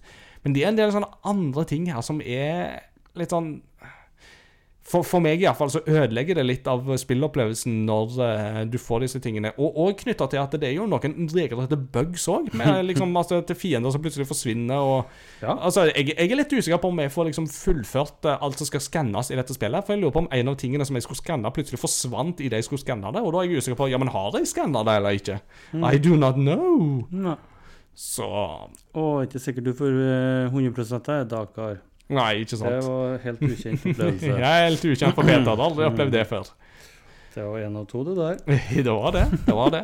Så for meg så er jo det litt sånn synd. Det, det er òg noen ting i storyen som jeg syns ikke er like godt peisa. Eh, noen plasser der jeg føler sånn Jo, jo, det er gøy nok å gjøre dette her på egen hånd, Mm. men jeg sliter liksom litt med å skjønne hvorfor det egentlig trengtes i historien som en helhet. Ja. Um, og så er det òg eh, fortsatt sånn at jeg syns ikke nødvendigvis at Cal er den mest spennende rollefiguren. Men han er bedre denne Mm. gangen. Det er han absolutt. Eh, så Men alt i alt, jeg uh, føler at jeg koser meg Mm. med Star Wars Jedi. Jeg sitter jo flere timer i strekk og spiller Mm. dette her, og må jo tvinge meg sjøl vekk fra dette her. Og syns jo fortsatt det er gøy med dette kampsystemet, og leke seg med det, og time mm. liksom pareringer og Ja. den slags. Så Mm. Og der har du Den har jo blitt utvikla ja, det har den. Den er ganske mye òg. Mm. Så det, det, det, er veldig gøy å se at eh, Respawn får til en god del ting med dette her. Og jeg er veldig glad for at dette er et spill som finnes, for dette er et sånn type spill som jeg har veldig lyst, på, og som jeg koser meg veldig med når jeg får det. Men jeg må samtidig erkjenne at det er ikke helt der det skulle ha vært. Um, det er liksom ikke innertier. Det- Og det blir nok vanskelig for Jedi Survivor, tror jeg, å nå på topp ti for meg på slutten av året i år, for året i år er kanonsterkt. Det er det. Så um, litt synd, eh, sånn sett. Jeg skulle veldig gjerne hatt det med, men, men at jeg fortsatt syns det er et gøy spill, det er det ingen tvil om. Og det er det viktigste. Det er jo det. I come across over gaming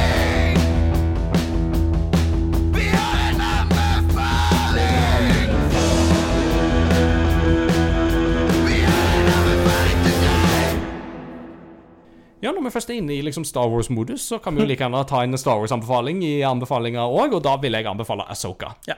Det er jo så enkelt og greit. Altså, dette er Eh, Asoka, bedre kjent som Star Wars Rebels sesong 5, Ja. eh, kan vi òg kalle det. Eh, men altså, dette er jo For meg så er jo dette er jo en sånn serie som for meg virkelig er underholdende å se på, fordi jeg elsker jo The Clone Wars. Jeg elsker jo Rebels. Jeg er også veldig glad i Bad Batch og disse andre animerte seriene. Uh, og da er det jo alltid gøy når på en måte elementer fra disse animerte seriene blir tråkket inn i live action Star Wars-kanon, sånn at de som bare ser det, blir tvunget til å se Clone Wars og Rebels, Oh, yes. alle de tingene der, og oppdage hvor bra og fantastisk de tingene der er. Eh, og Dave Filoni, altså den mannen der klarer å lire av seg av Star Wars, er så amazing at jeg skjønner ikke Altså, han må jo snart være tom. Men uh, i snakkende stund så har vi jo akkurat fått episode fem av Asoka. Og det er bare Det er liksom umiddelbare reaksjonen er liksom 'praise the Dave'. Ja. Det, det, det er helt fantastisk underholdende saker, Mm. altså. Jeg henger jo litt etter, Mm. så eh, jeg bare hører alle snakke. Eh, Men hva, hva må du se for å starte med Asoka? Altså, Rebels sesong fire er vel egentlig liksom det som er det viktigste. Altså ta, At du bør ha en recap på hva som har skjedd i Rebels før det, men du bør absolutt ha sett sesong fire. Ja. Fordi her er det en del av de samme rollefigurene som du jo følger derifra. Altså, du følger jo eh, Asoka, naturlig nok, som jo er hovedpersonen i dette her. Og Asoka er jo, for de som jo ikke kjenner til det, var jo lærlingen, eller padawanen, til Anakin Ja. eh, i, under Clone Wars. Eh, og så opptar jo hun en eh, sånn posisjon som sånn skygge sånn informasjonsbroker under mm, eh, imperietida, under kallenavnet Fulcrum. Um, og nå så er jo jo da tilbake for å prøve å spore opp noen rollefigurer i For Rebels som jo forsvant. Eh, og med seg på det så får vi jo da Sabine, som jo Mm, var en av hovedrollefigurene i Rebels. I Hun er jo en ja. Mandalorian. Sabine Wren Uh, er jo en av de. Og vi får jo òg se Hera, uh, som jo er piloten i Rebels-crewet. Rebels-crewet. Hun er kul. Hun er dritkul. Hun er kjempekul. Ja. Eh, en Twi'lek-kamppilot som slettes ikke lar seg pille på nesa, og alltid går i overalls og Oh, fikser yes. på mekanikken. Og på en måte er litt sånn morsfigur for alle når du ikke holdt på å si driver på å blaste droider og den slags type ting. Ja, må, hab, må jo ha en hobby. Ja, ja, ja. Og, og, og, og vi får òg gjensyn med Chopper, som Ja. den der clean gærne astromech-droiden som hun har. eh, Som jo er stemmeskuespiller, er Dave Filoni sjøl, for øvrig. Så det er kjempegøy. Eh, Men, men en av grunnene til at jeg elsker Asoka som rollefigur, som gjør at det er ekstra gøy å få en live action nå, med Rosario Dawson i hovedrollen, er jo det at uh, Asoka er jo på mange måter en slags Hva skal du si da? Hun er jo en disippel Ja. i Jedi-ordenen. Så det på mange måter en slags sånn munkeorden, når man skal, skal trekke noen sånne religiøse paralleller her. ikke Ja. sant? Så det er en monastisk orden. Og hun havner jo i The Clone Wars i en slags dekonstruksjonsfase. Ja, gjør det. Noe sånn Altså, hun havner vittig, ja. ja, altså, for at hun blir jo tvunget til å ta oppgjør med på en måte en del av det hun får lært seg Ah, Nei, sånn er det bare. Altså, Sånn er Jedi-ordenen, sånn er realiteten, og sånn er The Force. Ja.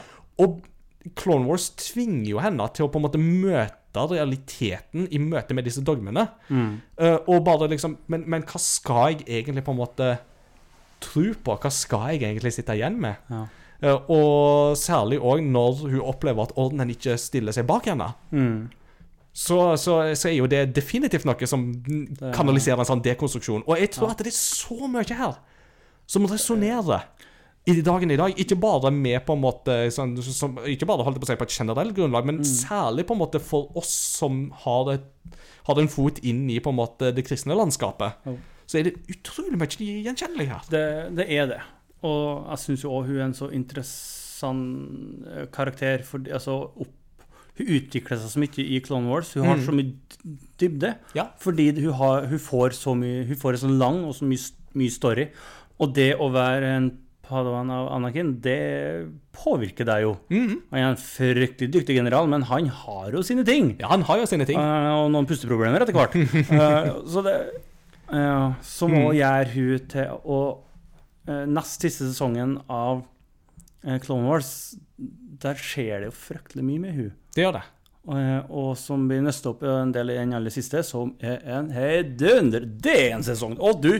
Ja, og der er jeg, Tjora! og der er jeg igjen. Dave Filoni. Altså så det er jo mm, en, Det er en utrolig en spennende karakter. mm. Og veldig mange av disse trådene her blir jo altså, henger jo fortsatt med oss Ja. når vi nå ser Asoka som TV-serie. Og jeg føler jo sånn sett at selv om Asoka på en måte prøver å introdusere nye seere for Asoka som rollefigur, så er dette først og fremst en serie som du får veldig godt utbytte av hvis du har fulgt Asoka over lengre tid. Jo da, det er det nok. Da, da, da har du storyen hennes. Du har Mm. Et større ja. bilde. Og så vil jo noen synes at det kanskje er dumt, for at de føler at de må henge med på 1800 ting for å liksom henge med og sånn. Altså, jeg føler ikke at det er på en måte Du for første gang. Ja, Så kjekt! ja, men altså, jeg tenker jo det, ikke sant? Altså, Framfor å tenke det, så tenk heller at du kan kose deg med Clone Wars, og at du kan kose deg med Rebels. Altså, for her er det mye gull, altså. Ikke la deg lure Ikke gjør sånn som meg og tro at dette bare er for Altså en billig barneserie for kids. Ja, tenk tenkte. Altså, Jo, jo. så feil kan du ta. Altså, det var en guilty pleasure jeg hadde eh, i tidlig voksenliv. Mm. Helt til du bare innser at vet du hva, her, jeg, jeg Det føler er- meg ikke guilty over dette. er en Det er jo bare bra. men Roger, men også det å få innblikk, liksom bli kjent med Clone eh, Troopers Ja. og innblikket deres liv og verden, og syns jeg var Det var òg en veldig spennende, spennende reise. Det var jo det. Og jeg, jeg, jeg står jo helt fast på det at Clone Wars-serien løfter prequels-filmene Mm. til å bli bedre. Prequels-filmene blir bedre som en konsekvens av at Clone Wars Mm. fins. Eh, men prequels-filmene måtte få Clone Wars for å faktisk oppnå sitt sanne potensial. Jo. Uh, Ting gir mer mening. Mm. Så, Og ting er egentlig mer vondt når du vet Ja. Når du blir kjent, for du kjenner en del av det uh, eh, Herlighet. soldatene ja, som er på feil side. Ja, og herlighet, altså. Final season. Det, det gjør vondt. eh, det, det gjør vondt, men det gjør vondt på en På en god måte. måte. Ja. Mm. Så Asoka først og fremst også, men uh, en sånn bianbefaling om å se Clone Wars og Rebels, kanskje? Hvem vet? Begynner å snakke om Star Wars. Hjertelig velkommen til Star Wars-podkasten, som egentlig da er vi i gang. Det er en fallgruve vi har, hvor liksom Oi, der begynte vi å snakke om det nå. Ja. Da, da blir dere sittende, gutta. ja. En, dag, en dag så får vi begynne med den Star Wars-podkasten. But it is not this day! For dette er en hebreke pachinko-kontroller til Super Nintendo. It's curiosity. What are you gonna show to me? It's curiosity. What I need to know. It's curiosity. What are you gonna show to me? I haven't even heard of it. What a neat thing to know. It's a great part of the show. This day we game! Indeed we do. Og eh, gaming-kuriositet tenkte jeg at jeg skulle komme med i dag. Jeg tenkte jeg skulle ta denne her dag, jeg, i dag. Jeg har en chat eh, sammen med min kone og en av eh, niesene våre. Ja. Som bare heter De kule voksne og også navnet på niesen vår. Så Veldig gøy. Eh, men i den så dukker det opp en video fra, på Instagram eh, der eh, det var fire folk uh, som skulle si ulike Nintendo-figurer sitt navn på sitt språk. Da var det vel engelsk, og så tror jeg det kanskje var spansk eller italiensk. Og så var det kinesisk, eller koreansk, og så var det japansk til slutt. Ja. Eh, og veldig mange av de tingene er de liksom enige om. Mario er Mario. Ja, Mm. Det er greit nok. Og Bowser heter Bowser på veldig mange språk, bortsett fra på japansk heter han Koopa. Mm. Uh, han er jo King of the Koopas. Og. Ja, ja. han heter jo King Koopa før i her, her til lands òg, før han ble hetende Bowser. Så det er greit nok. Men den siste av de, så kommer de til disse spøkelsene, som heter Boo på engelsk. Ja. Og, og det er så å er greit nok, helt til det kommer til japanske, så sier Teresa. Og så begynner jo alle å le og bare sånn Teresa? What's the deal with that? Og jeg var sånn, I don't know! But I know. I know. Ok. Ja, For her er det litt japansk eh, språk som ligger til grunn. Ja, det vil jeg anta, siden det er japansk. Ja, og, fordi det å være flau, eller å bli flau på japansk i infinitiv, det er tereru. Ja, ok. Ja. Og det er du, det og det at du blei flau, nå Mm. blei jeg flau, så kan du si tereta. Ah, Og det er jo det disse boosene gjør. De er jo så Ja, ja, ja, flaue er når du det, ser på dem, at de skjuler seg. Mm. Fordi de er Teresa. Altså, de er Tereta. Mm. De, de ble så flaue at de gjemmer seg. Så derfor så heter boos Teresa på japansk. Det har rett og slett med ikke at, ikke at de er skumle, men at de er flaue. Og det det gir jo en helt annen, et helt annet preg, Ja, det, det gjør det. syns jeg. Artig. Så det var det. Mm. Eh, og da, i um, postludiet Så nå har det vært Vi har vært innom mangt og mye i denne episoden. Uh, og jeg tenker at uh, vi skal avslutte på en uh, saftig omgang. går ut med et smell. går ut med et smell, ja, rett og slett. Kan du knapt nok gå ut med et større smell? Jeg fikk spørsmål om å ta post uh. Og uh, som den uh, avslappa, rolig, fredfulle fyren jeg er, så første jeg tenkte på, det var jo Doom. Det, så det av en eller annen grunn. uh, men den musikken er jo Altså Holy moly Calioni. Oh, Den er vill, altså. Mick Um, Gordon sitt verk der er det, the stuff legends are made of. Ja. Og eh, som jeg sa på Altså, jeg har veldig gode minner fra når jeg har spilt Doom. Som jeg sa på bedehuset, det er noe veldig befriende med å komme hjem etter en arbeidsdag og skyte livskiten ut av alle demonene du kommer over. Yes. Litt, litt uheldige ting å si i kirka, men uh, det var bare to som stoppa, så det gikk bra. Uh, kontekst.